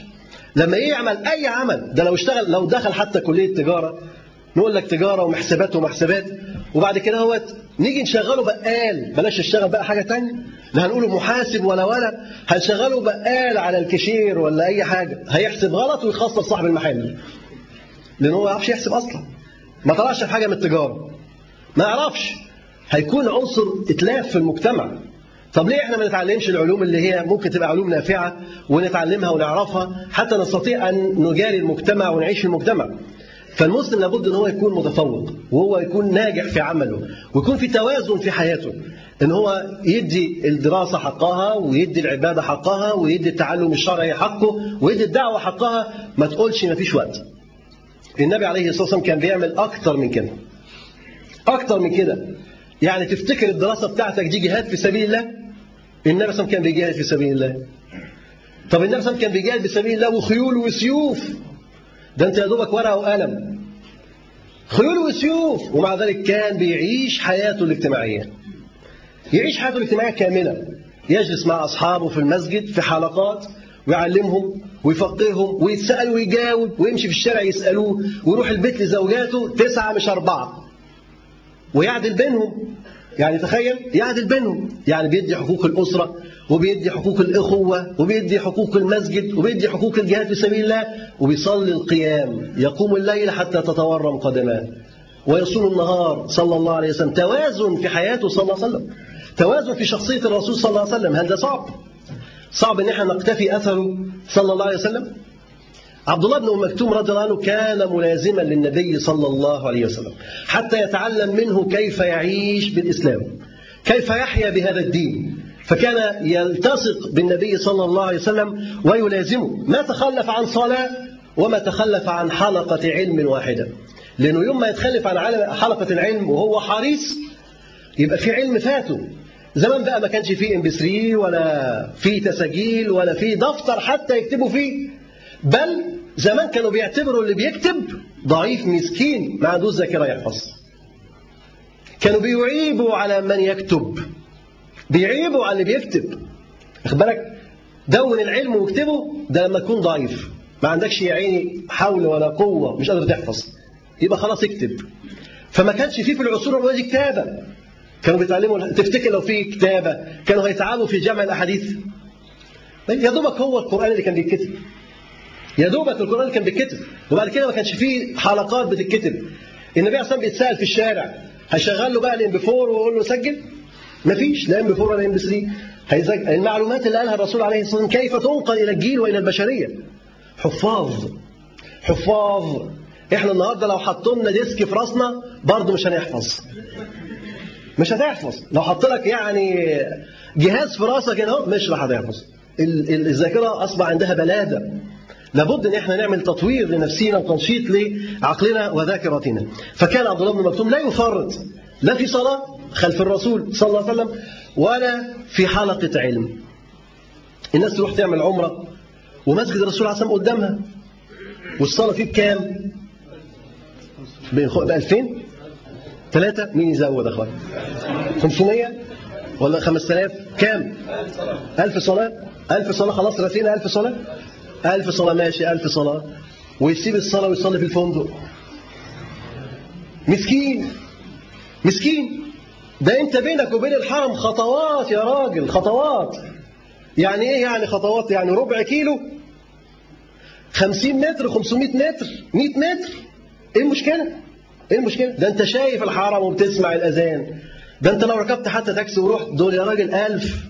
ولا سيبك من دي. بيصلوا بقى في الكعبة. والصلاة في الكعبة بإيه؟ بمئة ألف. تخيلوا بمئة ألف. والفندق على ساحة الحرم. يعني دلوقتي خلاص وسعوا الحرم بحيث إن أنت تنزل من سلم الفندق تلاقي نفسك بيت في الحرم. والراجل يصلي فوق عشان الاسانسير زحمة. ويقول لك مكة كلها حرم. يقول لك مكة كلها حرم. ماشي قول العلماء لكن أنت إيه اللي يمنعك إنك تنزل وتشوف المسلمين بيصلوا وتنزل في صحن الكعبة وتشوف الكعبة وتصلي. إيه اللي يمنعك إيه اللي يحرمك؟ إيه الكسل ده؟ ده ما تخلف عن الرسول عليه والسلام في صلاة مرة واحدة. وأنت بتبقى رايح خمس ست أيام ولا عشر أيام تعمل عمرة تضيع نصهم في الفندق تحت التكييف. ما تصليش في الحرم ما تصليش في الجامع. ليه؟ لماذا تضيع على نفسك هذه الفرص؟ لماذا تضيع نفسك؟ وعبد الله بن مكتوم رضي الله عنه ما يفوت صلاة واحدة خلف الرسول صلى الله عليه وسلم. طبعا ده يدل أيضا على حبه الشديد للنبي صلى الله عليه وسلم. عبد الله بن أم مكتوم رضي الله عنه كان مؤذنا للرسول صلى الله عليه وسلم. والمؤذن ده أكيد له فضل ولا ملوش؟ حد يقول لنا كده؟ أيوه هو حديث الصحيح رواه مسلم. قول كده. ماشي. المؤذنون ينفع؟ ماشي. الحديث رواه مسلم. يقول النبي صلى الله عليه وسلم المؤذنون أطول الناس أعناقا يوم القيامة. يعني إيه أطول الناس أعناقا يوم القيامة؟ رقبتهم طويلة. أطول الناس أعناقا يوم القيامة. مم. يعني علو الإيه؟ علو الأجر. إيه تاني؟ رفع. يعني إيه أعناقهم طويلة؟ أطول الناس أعناقا يوم القيامة. ها راسه مرفوعة يا عيني عليك. راسه مرفوعة رفعت راسك. رفعت راس بلدك. يا ابني راسه مرفوعة إيه؟ هو في حد ماشي. اتفضل. انه كان يرفع نداء الله عز وجل بقول لك قيل أكثر تشوقا إلى رحمة الله تبارك وتعالى وتشوفا. أكثر الناس يعني تشوقا إلى رحمة الله عز وجل. مين؟ المؤذن. وقيل إذا ألجم الناس بالعرق يوم القيامة طالت أعناقهم لئلا ينالهم ذلك الكرب. يوم القيامة لما الناس تغرق في عرقها إيه اللي يحصل؟ هم فعلا تطول تطول أعناقهم بحيث ان لا يلجمهم العرق. لا يلجمهم العرق. بل إن الناس دول في الغالب إن العرق مش هيوصل منهم كده. لكن افرض إن العرق وصل لغاية صدورهم هل ممكن العرق العرق يلجمهم يقول لك تطول اعناقهم تطول اعناقهم بحيث إن هو إيه لا يعني يصيبه هذا العرق ولا تسيئه هذه الوقفة يوم القيامة. وقال أيضا النبي صلى الله عليه وسلم لو يعلم الناس ما في النداء والصف الأول ها ثم لم يجدوا إلا أن يستهموا عليه لاستهموا. لو تعرف ما في الصف الأول ما في النداء. والصف الأول من إيه؟ من الأجر والفضل والثواب. لو تعرف؟ طب لما أقول لك لو تعرف يبقى الأجر قد إيه؟ ده كبير جدا. لدرجة إنه ما يتحصرش. ما يتحصرش. لو تعرف لاستهموا عليه. يعني يعملوا قرعة. مين اللي يأذن؟ فلان ولا فلان فلان ولا فلان. لاستهموا مين الصف الأول مين اللي يقف؟ ده ولا يعني اختلفوا. آه مين يقف أنا ولا أنت؟ لاستهموا عليه عشان طبعا ما يحصلش صراع. مش هيشدوا من قفاه يرجعوا ورا. مش هيضربوا. لا الشرع بيقول له يعني لو حصل والزنقت قوي يستهموا عليه. خد بالك مش واحد بقى يجي يأذن لسه يقول الله أكبر بص التاني شده من قفاه ارجع أنا اللي هأذن ويضربوا بعضهم قدام الميكروفون والصوت يطلع بره. بدل ما تطلع التكبيرات تطلع بقى إيه الصيحات. أجر وثواب كبير جدا طبعا للمؤذن عند الله سبحانه وتعالى.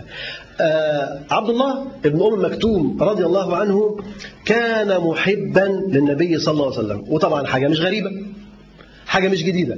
لأن كل أصحاب الرسول عليه الصلاة والسلام كانوا إيه؟ كانوا بيحبوا الرسول صلى الله عليه وسلم. حب شديد جدا. لدرجة أن هذا الصحابي يراه النبي صلى الله عليه وسلم يبكي. اسأله يعني ما يبكيك؟ قل ذكرت أني إذا مت فإنك تكون في منزلة. أنا لا أصل إليها. يعني الراجل بيفتكر أنه لما يموت وطبعا يموت النبي صلى الله عليه وسلم.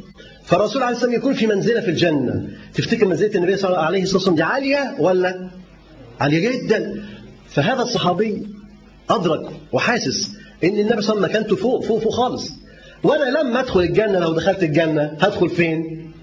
في أي حتة تحت؟ مش هوصل لفوق يعني مش هشوفك. زعلان حزين بيبكي إنه مش هيشوف النبي عليه الصلاة في الآخرة. حزين جدا. فالنبي عليه الصلاة والسلام يطيب خاطره ويقول له ها يحشر المرء يوم القيامة مع من أحب. وقال صلى الله عليه وسلم المرء مع من أحب يوم القيامة. الصحابة رضي الله عنهم ما فرحوا بحديث مثل فرحهم بحديث النبي صلى الله عليه وسلم يحشر المرء مع من أحب يوم القيامة. يعني اسكت أنت بتحب الصحابة رضي الله عنهم بتحب أبو بكر وعمر وعثمان وعلي رضي الله عنهم وبقية الصحابة وعبد الله بن مكتوم إن شاء الله تحشر معهم. أما اللي ما بيحبهمش ده مش هتحشر معاهم. هم قطعا في الجنة لأن هم مبشرين بالجنة يبقى هو في النار. لأنه لا يحشر معهم كالروافد الذين يسبون أصحاب النبي صلى الله عليه وسلم. كان من شدة حبه للرسول صلى الله عليه وسلم أنه كان يدافع عنه. وطبعا شيء عظيم جدا إن إحنا ندافع عن الرسول صلى الله عليه وسلم. وإنت بصير. لكن لما تكون أعمى وتدافع عن الرسول عليه الصلاة والسلام بتبقى إنت باذل مجهود أكبر. تخيل إن الرسول إن عبد الله بن أم مكتوم لم يصبر أن يسمع إيذاء للنبي صلى الله عليه وسلم. كان في امرأة يهودية بتخدم عبد الله بن أم مكتوم كانت تأتي له بالأكل وكانت تنظف له البيت أحيانا تخدم هذه الخدمة. كانت ترافقه ولكنها كانت تؤذي النبي صلى الله عليه وسلم. فماذا فعل عبد الله بن أم مكتوم؟ قتلها.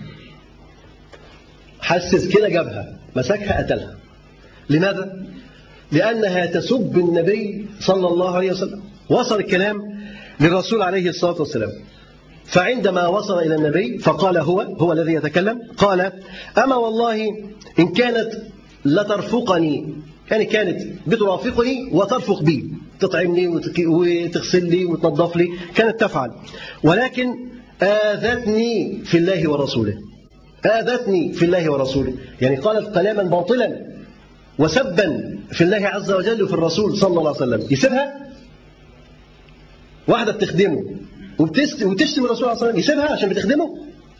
عشان مصلحته يسيبها؟ دينه ولا أغراضه الشخصية؟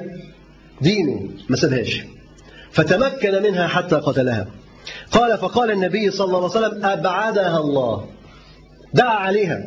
قال صلى الله عليه وسلم أبعدها الله قد أبطلت دمها. يعني دمها هدر ملهاش دية ولا لها أي حاجة. لأنها سبت النبي صلى الله عليه وسلم.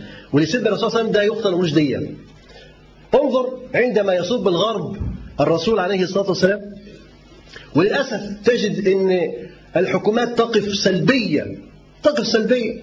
حتى ما يقول لهذه الدول التي سبت ما يقول لها اعتذري. مع أن الاعتذار ده غير مقبول لكن ما يتحرك لهم ساكن. بل دعك من من الحكومات. انظر إلى الشعوب. ينبغي أن تتحرك هذه الشعوب دفاعا عن الرسول صلى الله عليه وسلم. فكيف يؤذى النبي عليه الصلاة والسلام؟ ويدافع عنه عبد الله بن أم مكتوم الرجل الأعمى. ويؤذى أمامك النبي صلى الله عليه وسلم من هنا ومن هناك ولا يتحرك لك ساكن. أين حبك للنبي صلى الله عليه وسلم؟ أين دفاعك عن النبي صلى الله عليه وسلم؟ لابد أن تغضب وأن تثور للدفاع عن النبي صلى الله عليه وسلم. بل وأن تتعلم سنته وأن تدعو إلى دينه صلى الله عليه وسلم. وفي أعقاب غزوة بدر أنزل الله على نبيه من آي القرآن ما يرفع شأن المجاهدين ويفضلهم على القاعدين لينشط المجاهد إلى الجهاد ويأنف القاعد من القعود. فأثر ذلك في نفس ابن أم مكتوم. وعز عليه أن يحرم من هذا الفضل. بعد غزوة بدر ربنا عز وجل أنزل آيات ترفع من شأن المجاهدين. وتحضهم على مزيد من البذل وعظيم الأجر لهم. ثم هذا عبد الله بن مكتوم يرى أنه حرم الأجر. ما بيقدرش يمسك سيف ويدخل الحرب. ما بيقدرش يعمل كده. فحزن حزن شديد جدا رضي الله عنه. فقال يا رسول الله لو أستطيع الجهاد لجاهدت. يعني أنا عاجز غصب عني. ليس لي حول ولا قوة. لو أستطيع الجهاد لجاهدت. ثم سأل الله بقلب خاشع أن ينزل قرآنا في شأنه. بيقول لي النبي صلى الله عليه وسلم أنا لو أقدر كنت جاهدت طب وبعدين؟ عمل إيه؟ تفتكر عمل إيه؟ قلنا أهو عمل إيه؟ ها؟ مسك الراية. ما مسكش الراية. دعا الله بقلب خاشع. المشكلة النهاردة مش إن هو يمسك الراية مشكلة أكبر. المشكلة في إن المجاهدين أصبح لهم أجر وفضل. واللي مش بيجاهد القاعد ليس له الأجر وليس له الفضل. عبد الله بن أم مكتوم ده يبقى قاعد. ما يقدرش يجاهد ما يقدرش يقاتل. حزن حزن شديد جدا. قال للنبي عليه الصلاة والسلام لو, لو أستطيع جهادا لجاهدت. لكن الرسول صلى الله عليه وسلم هيعمل له إيه؟ ما ما فيش حل. ده رجل أعمى لا يستطيع الجهاد. والآيات نزلت ترفع من شأن المجاهدين. ماذا يفعل؟ عبد الله بن أم مكتوم يلجأ إلى ربه سبحانه وتعالى. وده شأن المؤمن. ده شأن المؤمن إن كل شأنه يرجع فيه إلى ربه. كل أمره يرجع فيه إلى ربه. كل كبيرة وصغيرة يرجع فيها إلى ربه. يسأل ربه يسأل ربه يدعي ربنا سبحانه وتعالى. أي موقف أنت تمر به في حياتك لابد أن ترجع إلى الله عز وجل وتدعوه وتسأله. فإن ربك عز وجل قريب وقال ربكم ادعوني أستجب لكم. وإذا سألك عبادي عني فإني قريب. إذا لماذا لا تدعو ربك سبحانه وتعالى؟ عبد الله بن أم مكتوم كان رجل ذكي. رجل فطن. أدرك أن الأمر ليس بيد النبي صلى الله عليه وسلم. توجه إلى ربه عز وجل بإخلاص بصدق. كتير مننا بيدعي لكن أن يكون له الإجابة وهو غير صادق. وهو غير صادق. إذا لابد أن تكون صادقا لابد من الصدق مع الله سبحانه وتعالى. ما تبقاش عمال تدعي تقول يا رب خلصني من ذنوبي وأنت كذاب عايز تعمل الذنوب دي تاني. وانت لسه بتخطط لذنب تاني بعد بكرة. يبقى ده كذب ولا صدق؟ ده كذب. لما تقول يا رب خلصني من كذا وكذا وكذا وانت لسه عندك المجلات في البيت وعندك أرقام التليفونات وعندك وعندك وعندك يبقى أنت مش صادق نحتاج إلى الصدق قبل الدعاء. إنك تكون صادق مع ربنا فعلا. إنك عايز تتطهر. إنك عايز تخلص. إنك عايز تنجو بدينك إلى جنات النعيم. فدعا ربنا سبحانه وتعالى بقلب خاشع أن ينزل قرآنا في شأنه. قرآنا في شأنه. عبد الله بن مكتوم شايف الموضوع يعني مش صعب. مش صعب. الله عز وجل قادر على كل شيء.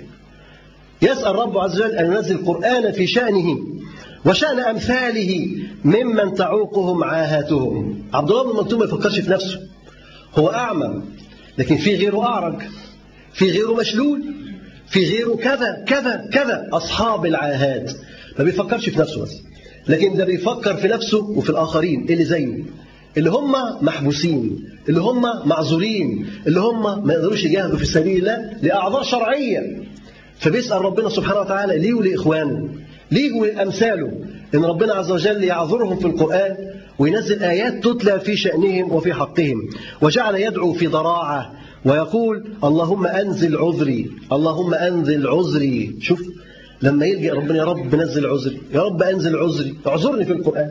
خليها آيات تتلى حتى أستطيع أن أعيش وسط الناس. فما أسرع أن استجاب الله عز وجل لدعائه. بيحكي ثابت زيد بن ثابت رضي الله عنه كاتب وحي الرسول صلى الله عليه وسلم يقول كنت إلى جنب الرسول صلى الله عليه وسلم فغشيته السكينة فوقعت فخذه على فخذي كان قاعد جنب النبي صلى الله عليه وسلم زيد بن ثابت كاتب الوحي كان قاعد جنب الرسول عليه الصلاة والسلام وفجأة غشيت الرسول عليه الصلاة والسلام السكينة فوقعت فخذ الرسول على فخذ من؟ زيد بن ثابت رضي الله عنه. وقعت عليه يعني زي ما انت إيه مثلا تبقى قاعد وبعدين تنعس فرجلك تقوم جاية محذوفة على اللي جنبك. فوقعت رجل النبي صلى الله عليه وسلم على فخذ زيد بن ثابت رضي الله عنه. فما وجدت شيئا أثقل من فخذه من فخذ رسول الله صلى الله عليه وسلم. حس إن رجل النبي صلى الله عليه وسلم ثقيله جدا جدا. ليه؟ الوحي بينزل. الوحي بينزل. وكان لما ينزل الوحي كان يحصل هذا الثقل. كان يبقى أمر شديد على الرسول صلى الله عليه وسلم. فيقول فما وجدت شيئا أثقل من فخذ رسول الله صلى الله عليه وسلم ثم سري عنه. بعد كده هو تخف. سري عنه. الوحي صعد. فقال اكتب. قال لزيد بن ثابت إيه؟ اكتب. أول ما ينزل القرآن يكتب زيد على طول. قال اكتب يا زيد. فكتب لا يستوي القاعدون من المؤمنين والمجاهدون في سبيل الله. لا يستوي القاعدون و والمجاهدون. لا يستوي. ده غير ده. ده أجر الثواب وده ملوش حاجة. طبعا هنا يقلق ولا ما يقلقش بقى عبد الله بن مكتوم. طب وإحنا؟ أحد يدعي ربنا سبحانه وتعالى. المهم فقام ابن ام مكتوم وقال يا رسول الله فكيف بمن لا يستطيع الجهاد؟ الناس اللي زيي يعملوا إيه؟ فمن قضى كلامه ما خلص كلام عبد الله بن ام مكتوم رضي الله عنه حتى غشيت رسول الله صلى الله عليه وسلم السكينة. مرة ثانية يقول فوقعت فخذه على فخذي. مرة ثانية وقعت فخذ النبي صلى الله عليه وسلم على فخذ إيه؟ زيد. برضه حس بإيه؟ بثقل الوقت فوجدت من ثقلها ما وجدته في المرة الأولى. ثم سري عنه فقال اقرأ ما كتبته يا زيد. قال له اقرأ. فقال لا يستوي القاعدون من المؤمنين. فقال اكتب غير أولي الضرر. غير أولي الضرر. اللي هم مين بقى؟ مش عبد الله بس. لا ده الأعمى والأعرج والمشلول واللي ما يقدرش يتحرك والمريض واللي واللي أصحاب الأعذار كل دول دول مستثنين من هذا الايه المكان. يعني لهم أجر ولا ما لهمش أجر؟ لهم أجر طبعا ولهم ثواب. وكما روي أن النبي صلى الله عليه وسلم قال لصحابته وهو راجع من إحدى الغزوات إن بالمدينة أقواما ما سرتم مسيرا ولا قطعتم واديا إلا كانوا معكم إلا كانوا معكم. قالوا يا رسول الله وهم بالمدينة؟ يعني هم في المدينة؟ معانا وهم في المدينة؟ وهم في المدينة؟ قال وهم بالمدينة. حبسهم العذر. حبسهم العذر. يعني لهم أجر زي اللي خرجوا انظر. انظر كيف أن هذه الشريعة سمحة تطمئن الجميع. العاجز الضعيف الفقير. كل واحد يأخذ حقه ونصيبه. من هذا الدين العظيم. وعلى الرغم من أن الله سبحانه وتعالى أعفى عبد الله بن أم مكتوم وأمثاله من الجهاد فقد أبت نفسه الطموح أن يقعد مع القاعدين. رغم أن ربنا عذره. خلاص بقى كان ممكن إيه؟ يفضل قاعد في المدينة. ده لا هيطلع جهاد ولا هيشوف ساحات القتال. خلاص ده معذور رسمي يعني. لكن نفسه الطموحة منعته من أن يجلس في المدينة. وعقد العزم على الجهاد في سبيل الله. رغم أنه أعمى عقد العزم أنه هو يجاهد في سبيل الله. ذلك لأن النفوس الكبيرة لا تقنع إلا بكبار الأمور.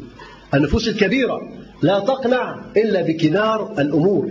إذا كنت عالي الهمة فلا ترضى بما دون الجنة. إذا كنت فعلا همتك عالية يبقى ترضى بإيه؟ بالجنة. إلا الجنة لا. فلا ترضى بما دون الجنة. وقال أيضا عالي الهمة لا يقنع بالدون. عالي الهمة لا يقنع بالأمور البسيطة الحقيرة. لا يقنع بالدون. ولا يرجيه إلا معالي الأمور. عالي الهمة ده لا يرجيه إلا معالي الأمور. فحرص منذ ذلك اليوم على ألا تفوته غزوة. رغم أنه معذور لكن حرص على ألا تفوته غزوة.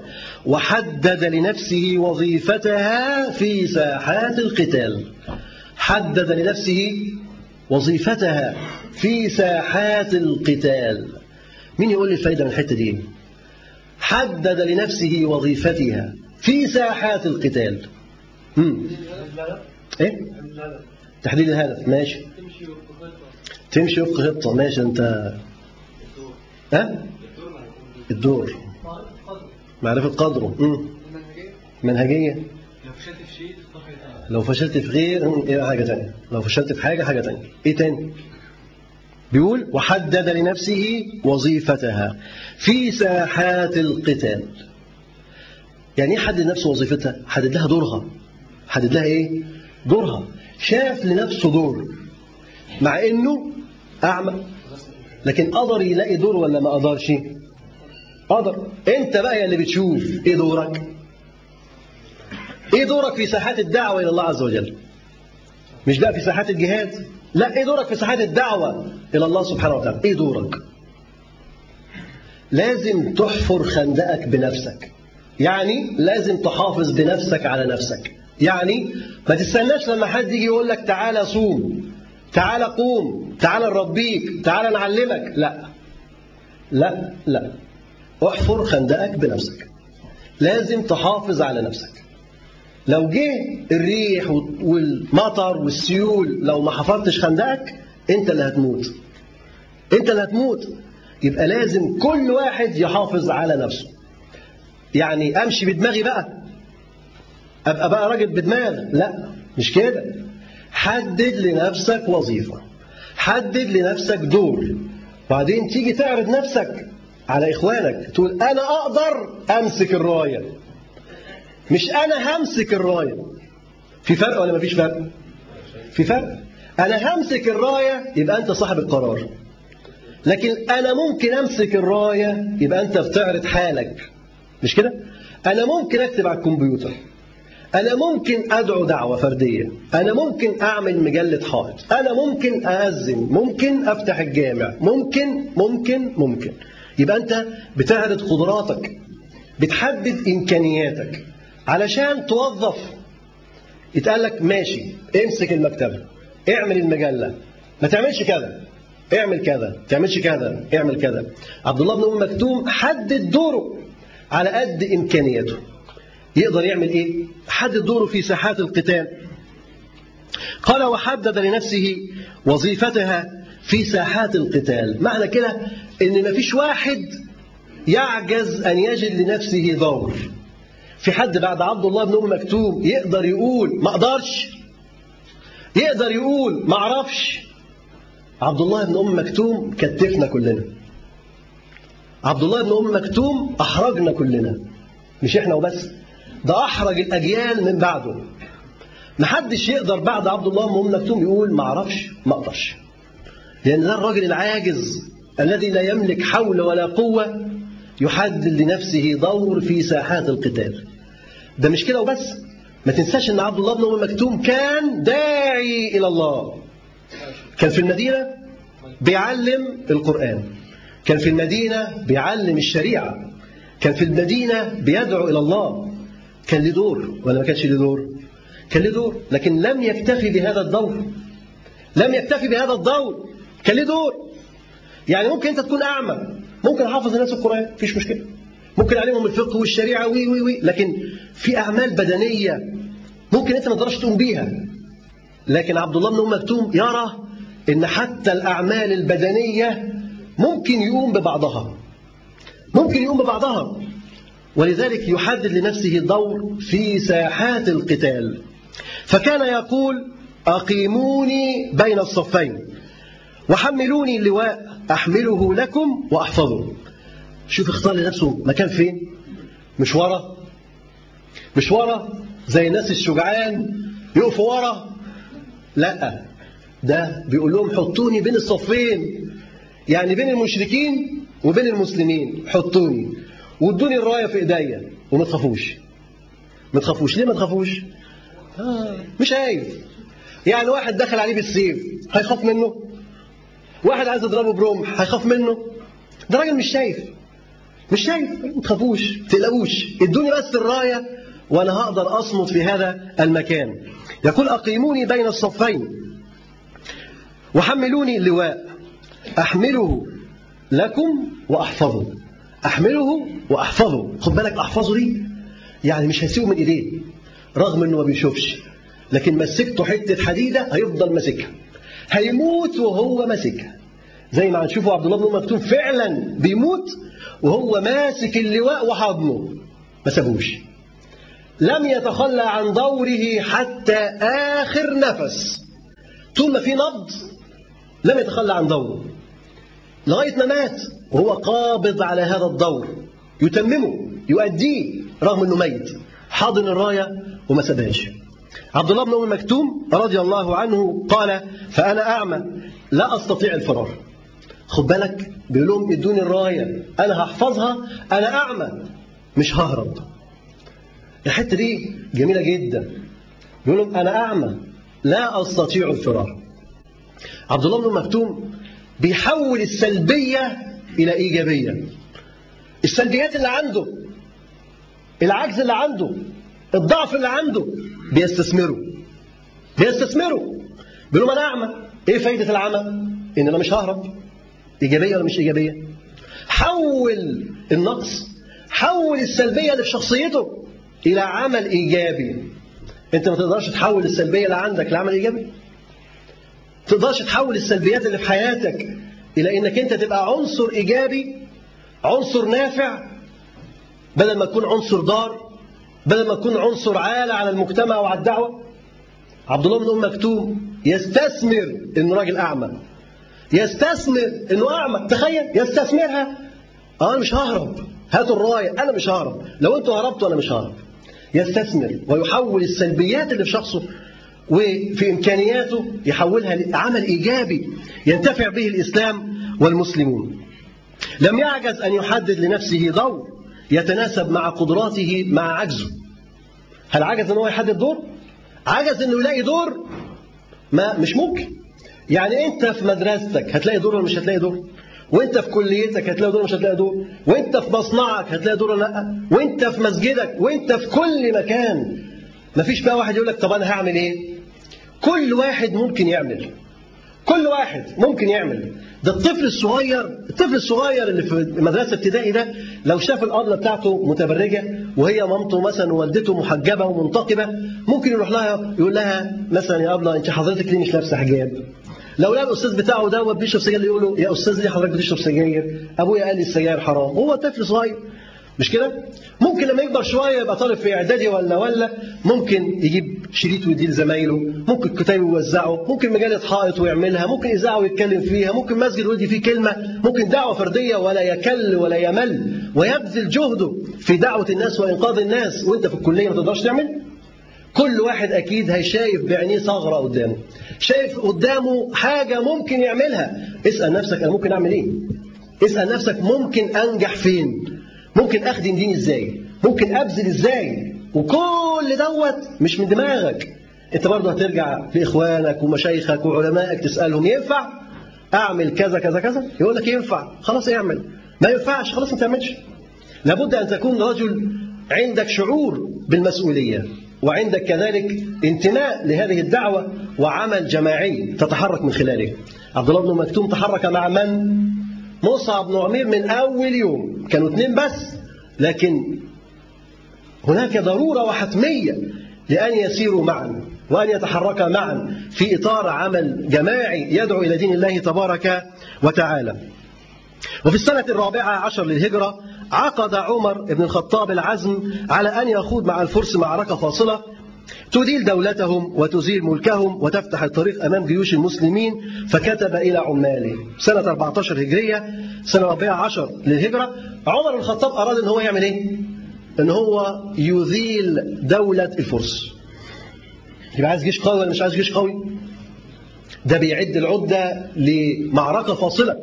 هيحارب إحدى القوتين العظمتين آنئذ. كانت إيه وإيه؟ الفرس والروم هيحارب مين هو النهاردة؟ هيحارب الفرس. زي زمان لما كانت روسيا وأمريكا. زمان بقى قبل الانهيار اللي الدول دي فيه. فكان هيحارب الفرس.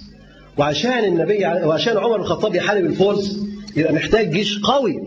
حتى يتصدى لهؤلاء الفرس لأن أعدادهم راح هتبقى إيه؟ غفيرة. يبقى لازم الجيش يكون قوي في عدده وعدته وعتاده.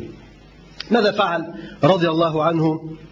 فكتب إلى عماله كتب إلى عماله الأمير اللي هنا والأمير اللي هنا والأمير اللي هنا بعت لهم كلهم. لا تدعوا أحدا يعني ما تسيبوش لا تدعوا أحدا له سلاح أو فرس أو نجدة أو رأي إلا انتخبتموه ثم وجهتموه إلي. أي واحد عنده فرس عنده سلاح عنده خبرة عنده رأي عنده كلمة عنده مشورة عنده عزم عنده أي حاجة يقدر يخدم بيها العمل لدين الله هاتوه. أي واحد عنده كفاءة هاتوه. عشان يعمل بيه إيه؟ يذبحه؟ يعدمه؟ يبعده؟ يعتقله؟ لا يا أخوانا. عمر بن الخطاب لا يفعل هذا. عمر الخطاب يحتاج إلى الكفاءات. لا لإبعاد الكفاءات. في ناس بتدور على الكفاءات علشان تعزلها علشان تبعدها علشان زي ما بيقولوا يطهروا المجتمع منهم. وفي ناس زي عمر بن الخطاب بيبحثوا عن الكفاءات في كل مكان. يبعت لعماله هنا وهناك أي واحد. خد بالك عنده رأي. يعني عنده كلمة ينفع تتقال. عنده مشورة عنده نجدة عنده حتى لو شاعر هاته لو صاحب فرس هاته لو حامل سيف هاته أي واحد ممكن يخدم الدين بأي جزئية هاته. لأن الجزئية دي زائد الجزئية دي زائد الجزئية دي يعملوا عمل كبير ولا لأ؟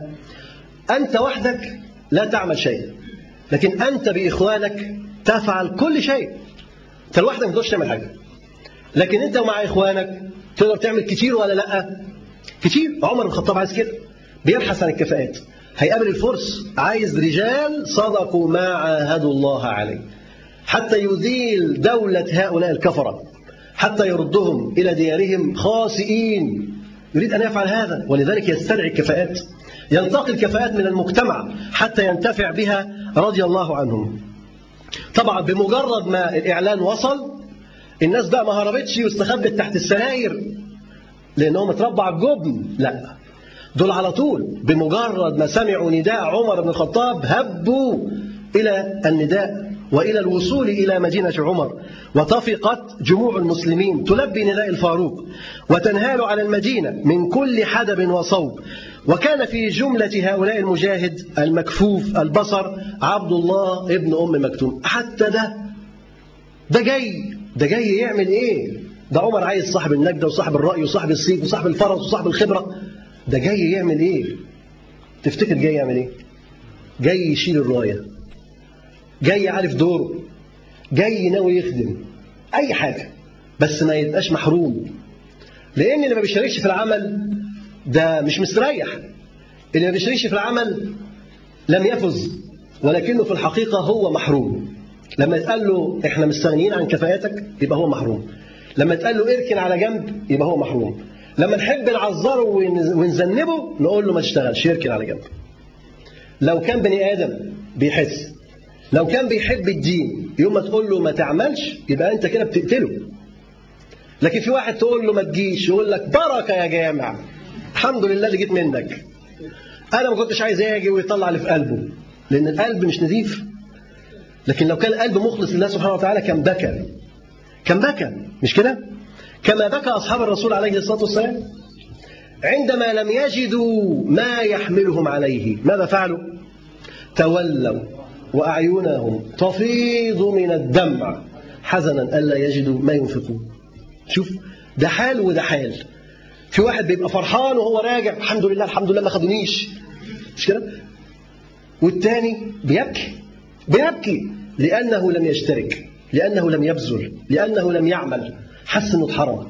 لكن الشعور ده مش موجود عندنا. وده مرض لازم يكون عندنا شعور بأن العمل لله ده منحة. وإن الحرمان ده ضياع.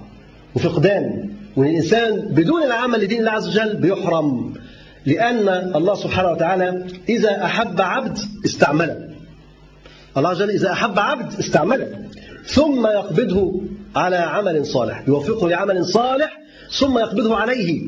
ولكن إذا كان العبد نايم على سريره ما بيعملش حاجة ما بيبذلش دين الله عز وجل يبقى دوت محبوب يبقى دوت فاز هذا لم يفز بشيء. يقول فأمر الفاروق فأمر الفاروق على الجيش الكبير سعد بن أبي وقاص رضي الله عنه وأوصاه وودعه. ولما بلغ الجيش القادسية برز عبد الله بن أم مكتوم لابسا درعة. ده لابس عدة الحرب كلها لابسا درعة. مش بقول لك بقى مش مهم. أنا أي حد يضربني هموت من أول طعنة؟ لا. ده مش عايز يموت من أول طعنة. لابس درع. عارف الدرع؟ يعني قميص حديد. يعني عبد الله بن مكتوم مش خايف على نفسه؟ ولا خايف على نفسه؟ خايف ولا مش خايف؟ خايف. خايف لحسن يموت. بس ليه؟ لأنه عايز يفضل شايل اللواء لأكبر وقت ممكن. وإلا كان ممكن يدخل من غير حاجة خالص. وكان خد له أول سيف وكان مات. لكن لما يلبس الدروع ويتحصن يبقى اضرب اضرب اضرب هو واقف زي ما هو صامد لغاية بقى ما تجيله طعنه تموته. اذا أنت تبقى حريص على البذل. مش مهم إنك تعمل أي حاجة وتموت. تعمل لك أي عملية انقلابية وتموت. لأ انظر للمستقبل. كيف يستمر العمل؟ كيف يستمر الدين؟ كيف تستمر الدعوة؟ كيف ينتشر دين الله سبحانه وتعالى في الأرض؟ مش تقول لك المهم أنا أموت شهيد وخلاص؟ لأ مش وخلاص. هو أنت كده يعني كده صح؟ لأ. مش المهم إنك أنت تموت شهيد وخلاص. نرجو إنك أنت تموت شهيد لكن إيه المانع إنك تخدم دينك لأقصى درجة ممكنة وبعد كده موت شهيد؟ لكن من أولها تدخل تاخد لك ضربة وتموت. طب ما الجيش قال والراية وقعت. يبقى أنت كده أفسدت وأتلفت. اذا الإنسان يحاول بذل قصارى جهده وعدم التفريط في العمل الذي يقوم به بقدر الإمكان. ولما بلغ الجيش القادسية برز ابن أم مكتوم لابسا درعه مستكملا عدته لبس كامل. وندب نفسه لحمل راية المسلمين. قال لك أنا أشيل الراية. والحفاظ عليها أو أموت دونها. أو أموت دونها. سبحان الله. يعني أي أرحام حملت هذه الأبدان؟ صرم. أي أرحام حملت هذه الأبدان؟ بل من أي أصلاب خرجت هذه النفوس الطيبة المؤمنة العاملة لدين الله تبارك وتعالى؟ والتقى الجمعان في أيام ثلاثة قاسية عابسة. ثلاث أيام طحن قتل يعني مقتلة أعداد غفيرة تموت من هنا وتموت من هنا. واحترب الفريقان يعني دارت بينهم حرب شديدة. واحترب الفريقان حربا لم يشهد لها التاريخ. تاريخ الفتوح مثيلا. حتى انجلى اليوم الثالث عن نصر مؤزر. لمين؟ للمسلمين. فدالت دولة من أعظم الدول. دولة الفرس انهارت. سقطت وعقبال بقيه الدول اللي زيها. سقطت دولة الفرس. وزال عرش من أعرق عروش الدنيا. بقى لها مدة طويلة لكن مهما قعدت على عرش الدنيا لازم تقع. طالما لا تؤمن بالله عز وجل يبقى لازم هذا العرش ينهار. ورفعت راية التوحيد في أرض الوثنية اللي هي أرض مين؟ أرض الفرس. وكان ثمن هذا النصر المبين مئات الشهداء. لازم أي نصر لازم يكون في تضحيات. أي عمل لابد يكون فيه نسبة خسائر. بس كانت الخسائر هنا مش خسائر. لأن اللي بيموت شهيد عندنا ما إحناش خسرانينه ده اللي بيموت شهيد ده خلاص ده دخل الجنة. هكذا وعدنا ربنا سبحانه وتعالى وأخبرنا النبي صلى الله عليه وسلم أنه يغفر له مع أول دفعة من دم مع أول أول شوية دم ينزلوا منه خلاص. هذا غفر له. ويشفع لسبعين من من زويه. هذا راجل شهيد إحنا ما نزعلش عليه. ما نزعلش عليه فقال مئات الشهداء في هذه الحرب وكان بين هؤلاء الشهداء عبد الله ابن أم مكتوم فقد وجد صريعا مدرجا بدمائه وهو يعانق راية المسلمين. ها لو الرابع عنه؟ لا ده ميت وحاضن الراية. حاضنها مش ممكن يسيبها رغم إنه مات لكن ميت هو ماسك هذه الراية. لقد أثبت عبد الله بن أم مكتوم للعالم كله أن المؤمن المخلص لا يستسلم للعجز. المؤمن المخلص الصادق لا يستسلم للعجز مهما كانت درجة عجزه. ممكن يخدم أم لا؟ بل يحاول أن يبذل لدين الله سبحانه وتعالى. عبد الله بن أم مكتوم نموذج واحد من نماذج أصحاب الرسول صلى الله عليه وسلم. أولئك الذين هدى الله فبهداه مقتدي. نكتفي إن شاء الله بهذا القدر وسبحانك اللهم وبحمدك أشهد أن لا إله إلا أنت أستغفرك وأتوب إليك. والسلام عليكم ورحمة الله وبركاته.